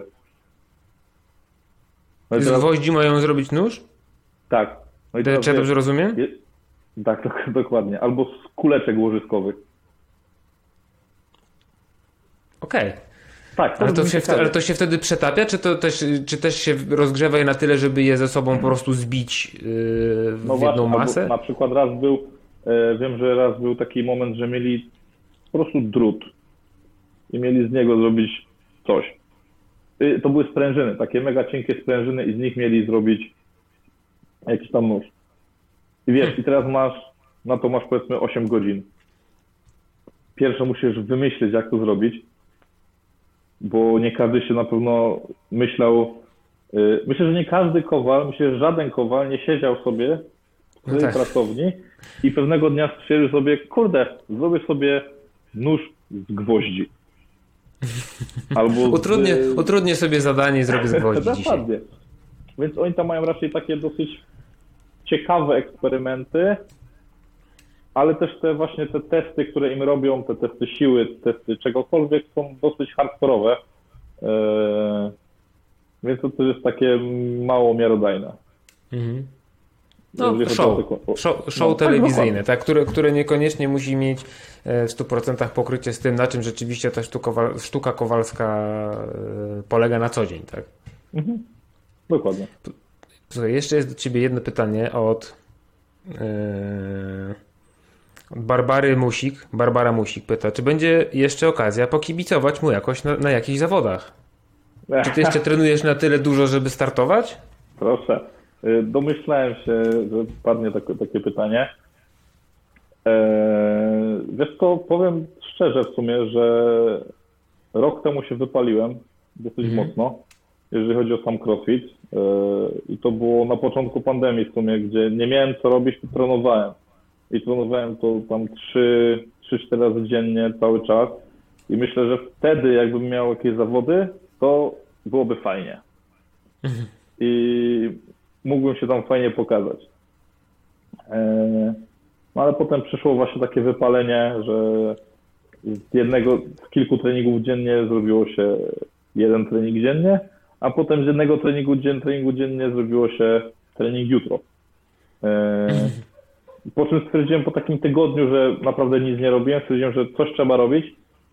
No i zacząłem dźwigać. W sumie tylko dźwigałem, e, zajmowałem się tylko dwubojem i ten cały rok tak naprawdę oparłem sobie na budowanie siły w dwuboju, yy, z czego jestem zadowolony i przyznam się, że od dwóch tygodni wróciłem sobie do takiego lekkiego crossfitu, Mhm. więc jest ciekawie. Myślę, że e, jakiś tam powrót mały będzie do jakichś zawodów. E, miejmy nadzieję, że na przykład e, tutaj Medieval Gamesy, na które się dostałem, wystartują za jakiś czas. E, bo z tego co wiem, tam jakaś data już jest ustalona. Chyba wrzesień jakiś coś było, Jakoś nie tak, jestem no. pewien. No, Jakoś coś we wrześniu. E, zobaczymy, może się przygotuję, może się wyrobię. E, a jak nie, to myślę, że tak dla czystego fanu, żeby spotkać się znowu z ludźmi e, z całej Polski, to będzie fajne. E, tak sobie pojadę, spróbuję się zakwalifikować, a nóż, więc zobaczymy. Mhm. A nóż, ha, ha, ha. To powinienem znowu ten efekty dźwiękowe puścić. E, wiesz, to ja się w pewnym momencie odkleiłem dosyć mocno od, y, od zawodów, tam od tego community trochę.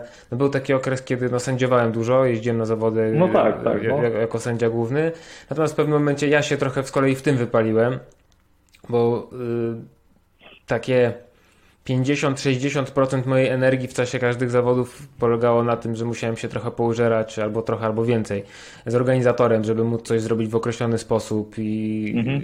i po prostu stwierdziłem, że wiesz, a nic też z tego nie ma, no, w, sensie nikt mi za to wiesz, nie płacił, znaczy no tam zdarzały się takie zawody, gdzie coś tam się dostało, ale to nigdy nie były jakieś pieniądze, które by mi ten stres i ilość pracy rekompensowały, ale Dokładnie, też no. właśnie po tym no, ile my już mamy tej pandemii, tego lockdownu? Za 3-4 lata jakoś mniej więcej mam wrażenie, że to już trwa. No nie, no, E, trwa właśnie- lata. Nie, no półtora roku, półtora roku, nie, No. nie całe, nie? Ale takie wrażenie jest, że to już w ogóle, wiesz, ja mam wrażenie, że to już od, od, jest od zawsze to, to trwa tak długo, to, to, to, to jest. I nawet w zeszłym roku na jesieni były jakieś zawody tutaj niedaleko Warszawy w Książenicach, na których Maciej Małek e, był, kon, konferencjerkę ogarniał. To tam nawet na chwileczkę tam sobie podjechałem.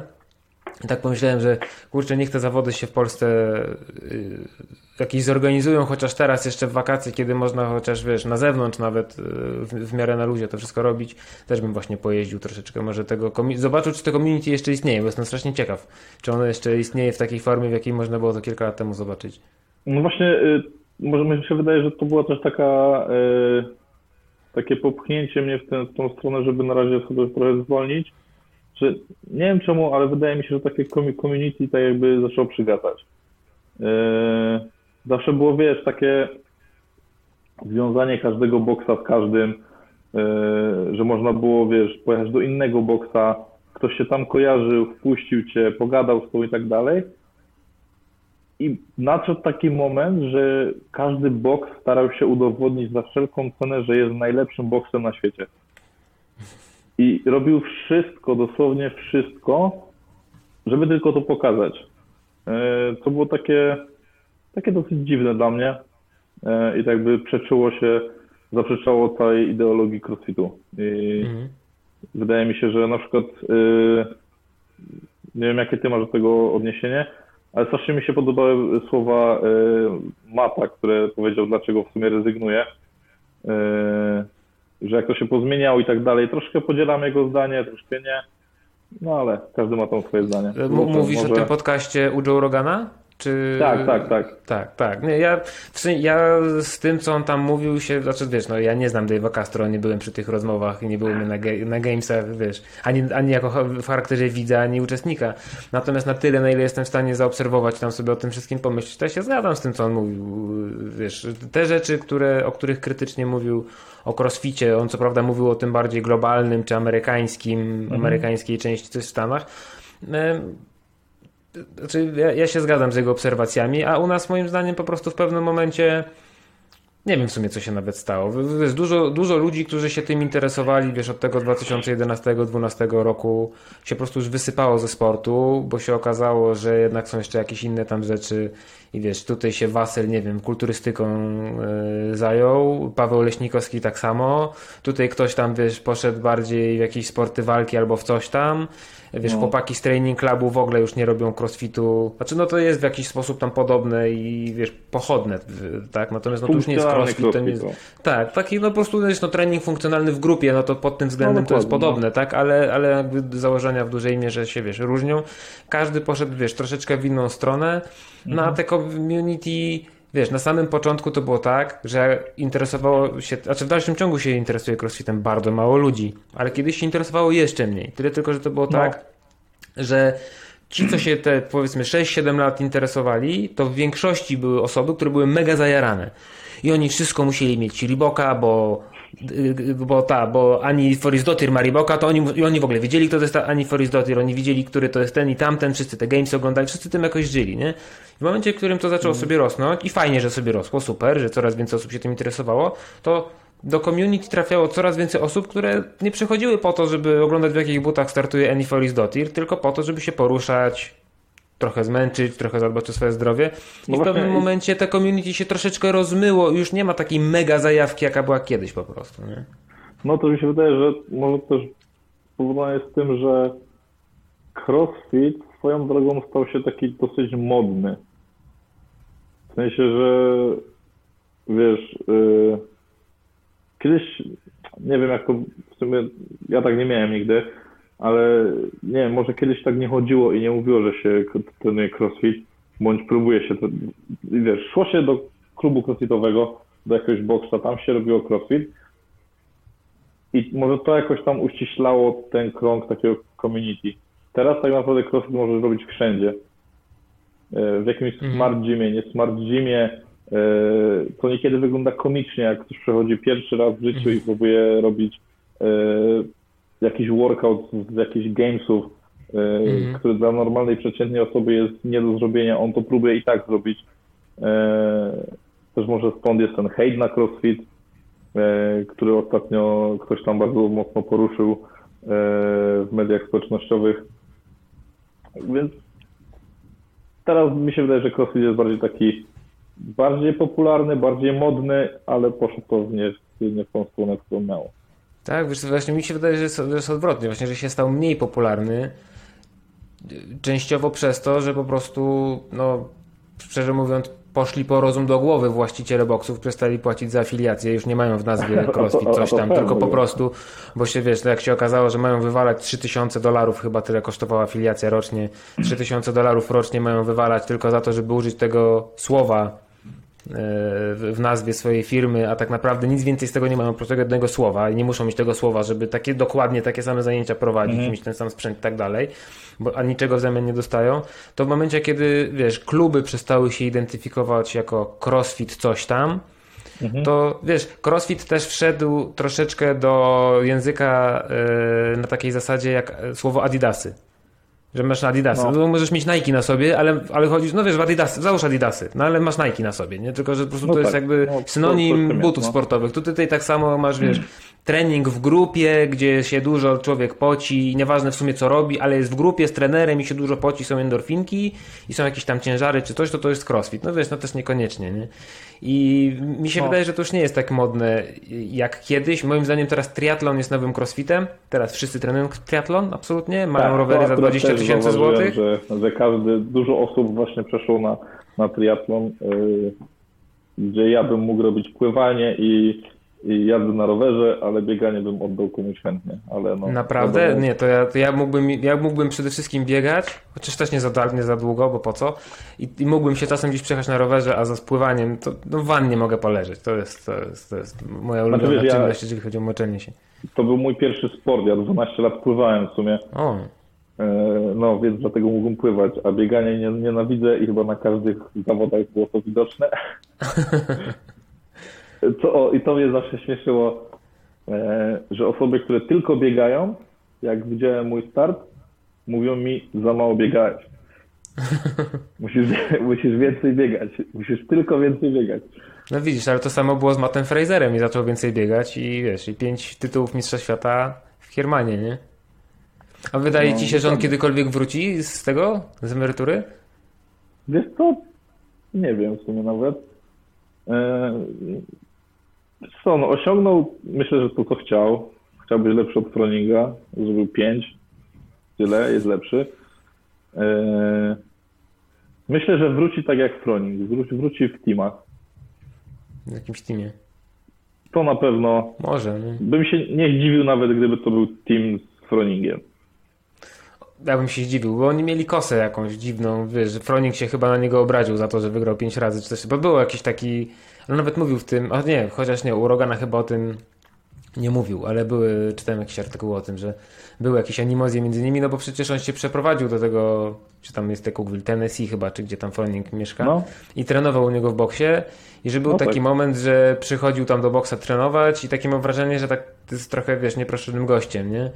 I potem się Aha. okazało, że Froning nie wiadomo dlaczego jest na niego zły, potem się jakoś pogodzili, ale tak, jakaś taka telenowela tam się wiesz, zrobiła. A, to, to nawet o, o tym nie wiedziałem. No, jakaś taka telenowela, Ale- więc oni tak niby się lubią, ale się nie lubią, ale się lubią, no takie wiesz tam. No wiesz, Na, na ambicje sobie nawzajem wchodzą. Nie? No bo że Fraser stworzy nowy team, żeby pokonać znowu team Froninga, no to wiesz, nie? Kto wie, zobaczymy. Zobaczymy. Niedługo będą gamesy, ja będę oglądał. Ty jeszcze będziesz oglądać, bo mówisz, że się trochę wypaliłeś, ale to w kontekście swoich startów, czy w ogóle straciłeś zainteresowanie? Tak, raczej, raczej dzieje? w, kontekście ze swoich startów, ale no nie no, Gamesy będę musiał zobaczyć akurat. Akurat Spoko. No już, już wiadomo o dwóch osobach, że jadą. Artur Komorowski i, Tak, no. i, da, i Darin Nikitienko wczoraj albo przedwczoraj wrzucała, że tak, będzie no w to, Teamsach. to też widziałem. Też no, startować, fajnie. No. E, No mam nadzieję, że zobaczymy tam dużo więcej osób teraz, e, które pokażą No. Bronek, poziom. Bronek, patrzymy na ciebie. Bronek, tak, patrzymy na ciebie. Bronek, Bronek I Gabi. tutaj kciuki są trzymane cały czas, więc e, nie możesz zawieźć nikogo. Ale naprawdę, to liczę, że w tym roku będzie fajne show pokazane i głównie też lubię, lubię oglądać gamesy, bo jest takie show, takie mega duże Mhm. show. Bo nie wiem jak ty, ale dużo bardziej lubię oglądać te gamesy stare niż te powiedzmy z kilku ostatnich lat. E, Te, te, ja zdecydowanie dużo bardziej lubiłem oglądać je wtedy, kiedy były w Kalifornii. Nie wiem z jakiego powodu. Tak. Czy to dlatego, że to było w Kalifornii, było słońce, i nie wiem, i Kara Web dostawała podczas Murpha wylewu. Nie wiem, czy to dlatego.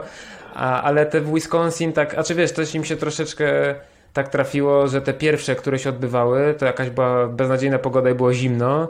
I tak było pochmurno i tak szaro. Za drugim razem, no, no, chociaż nie wiem, czy to w zeszłym roku to były drugie czy trzecie gamesy w Wisconsin, już nie pamiętam. Ale w każdym razie no, w zeszłym roku była pandemia, więc tam w ogóle był dziwaczny.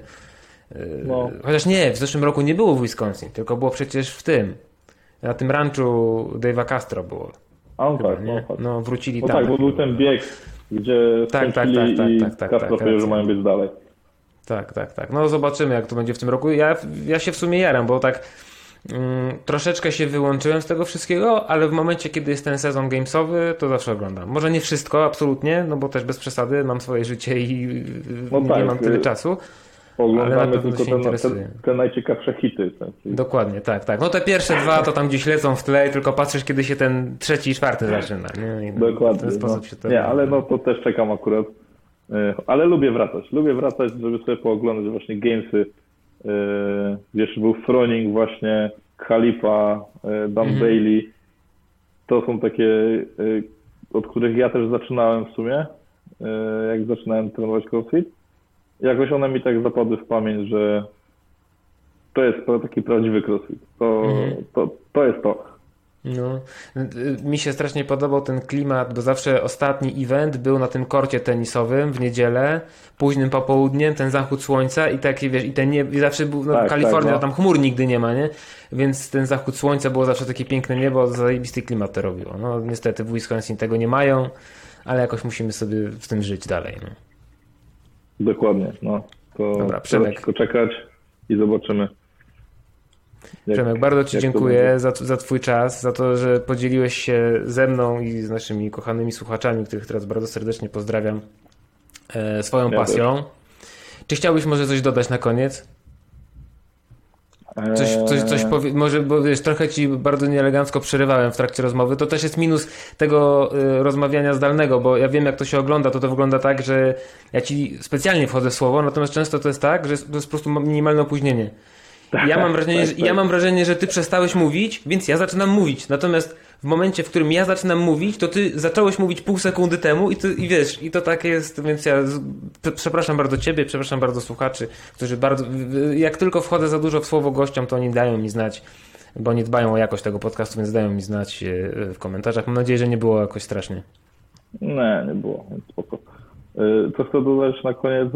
Mówię, znaczy myślę, że e, w tym najbliższym czasie pojawi się dużo fajnych projektów u mnie. Mhm. Takich powiedzmy nie z tej ziemi. Na przykład mhm. właśnie premiera tego sztyletu i dużo mhm. innych fajnych rzeczy, które mam w głowie. Więc tutaj zachęcam, żeby można zaobserwować, można pooglądać sobie, e, jak to wygląda. I, ja dam planuję... link do... Mhm. No, widzisz, o, znowu ci wlazłem słowo, myślałem, że skończyliśmy. Też planuję zacząć e, nagrywać takie krótkie filmiki z takiej produkcji noży. O, super. E, takie wiesz, maksymalnie minutowe, nawet nie, 30-sekundowe mm. filmiki, jak to wygląda, cały proces i tyle. Mm. Super, super, super.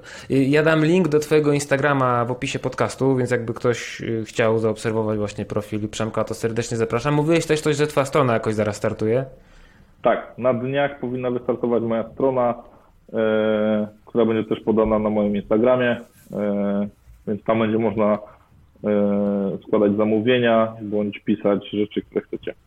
Dobra, to może się, bo to też ja nie będę tego wrzucał jakoś od razu, będę potrzebował kilku dni, żeby to ogarnąć, więc może się jakoś złoży, że strona już będzie działać, więc w razie czego też zajrzyjcie do opisu, jeżeli chcielibyście link do tej strony, nie obiecuję, że tam będzie, no bo nie wiem, czy akurat się wszystko zbiegnie w czasie, ale, ale zobaczcie, może jest, może nie ma. Może akurat będzie. Może akurat nie. będzie. Przemek, bardzo no. Ci jeszcze raz dziękuję. Pozdrawiam Aresa, naszego trzeciego gościa tego podcastu. Ja też dziękuję bardzo. Ares też pozdrawia, leży. E, fajnie, w ogóle dzięki za zaproszenie, naprawdę. E, było to dla mnie takim miłym zaskoczeniem i troszkę szokiem, e, więc dziękuję. Nie, bardzo. wiesz, to naprawdę zastanawiałem się już od dłuższego czasu, żeby cię zaprosić do podcastu i w pewnym momencie po prostu zobaczyłem, że, wrzuci, że wrzuciłeś kolejny nóż i myślałem, nie no kurwa, muszę go zaprosić, musimy, musimy coś opowiedzieć o tym, co on robi, bo strasznie mi się spodobało to, że yy, yy, no wiesz, no, taką bardzo inną drogę sobie wybrałeś. I to jest fascynujące. Ja pracuję, wiesz, no ja jestem człowiekiem od Excela, nie? To mam najnudniejszą pracę na świecie. Więc w momencie, w którym ktoś już z fajnej pracy, no bo umówmy się, byłeś trenerem e, wiesz, w, w, boksie, to już, jest, to już jest fajna praca i z jednej fajnej pracy przyszedłeś do moim zdaniem jeszcze fajniejszej, no to musiałem porozmawiać z kimś, kto ma lepsze życie ode mnie po prostu. No. Słuchaj, jeżeli chcesz kiedyś zrobić nóż, yy, wpadaj. Yy, ja wiem, przepraszam, jeszcze jedno pytanie ja mam do ciebie. Teraz sobie Dawaj. przypomniałem, bo jak powiedziałeś mi, czy ja, czy ja nóż. Ja bym.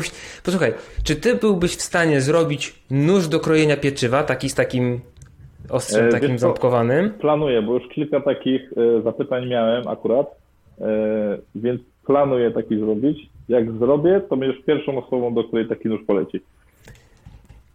Słyszeliście to tutaj, jeżeli ktoś inny dostanie od niego nóż jako pierwszy, to ja się bardzo pogniewam. Yy, yy, biorę w ciemno, biorę w ciemno, bo to była pierwsza rzecz, o której pomyślałem, bo wiesz, no bo jednak to, te ostrze jest na tyle specyficzne, no. że nie wiedziałem, czy w przypadku kutego noża to jest w ogóle, wiesz, możliwe, nie? Ale jeżeli tak, to super, to bardzo mnie to cieszy. Trzymam za słowo. Jeszcze raz bardzo dziękuję. Jeszcze raz bardzo Was pozdrawiamy. Dzięki Serdecznie. Żegnamy się. wszystkich. Pa. Super. Dzięki kochani, dziękujemy Wam, ja i Przemek razem. Dziękujemy za to, że chcieliście spędzić z nami te półtorej godziny. Przypominam, że jeżeli chcecie pomóc mi w rozwoju tego podcastu, w tym, żeby było jeszcze fajniej, jeszcze przyjemniej, żebym mógł e, reaktywować studio, żebym mógł nagrywać na żywo, te rozmowy będą dużo przyjemniejsze. Zresztą sami słyszeliście w trakcie tego podcastu, że tam czasami sobie trochę wchodziliśmy w słowo, no nie dlatego, że nie chcieliśmy dać, dać sobie dojść do słowa, tylko dlatego, że tak po prostu wygląda zdalne nagrywanie podcastów. Wejdźcie na Patronite patronite.pl panmareł. Tam możecie zostać moim patronem, dać mi troszeczkę swoich pieniędzy i, będzie fajnie, po prostu. Znaczy mi na pewno, bo dostanę pieniądze. Tymczasem chciałem podziękować ludziom, którzy już w tej chwili dają mi swoje pieniądze, a są to m.in. Marcin Cynaracki, Artur Krzymiński, Przemek Mijal, Andrzej Czajewski, Paweł Wojciechowski, Dominik Kupiński, Dawid Dziłek, Dawid Mochna, Elżbieta Ziółkowska, Marysia Gierman Karolina Woźniak i wiele innych wspaniałych osób, którym bardzo dziękuję za wsparcie, za pamięć. Ściskam tule i do zobaczenia następnym razem.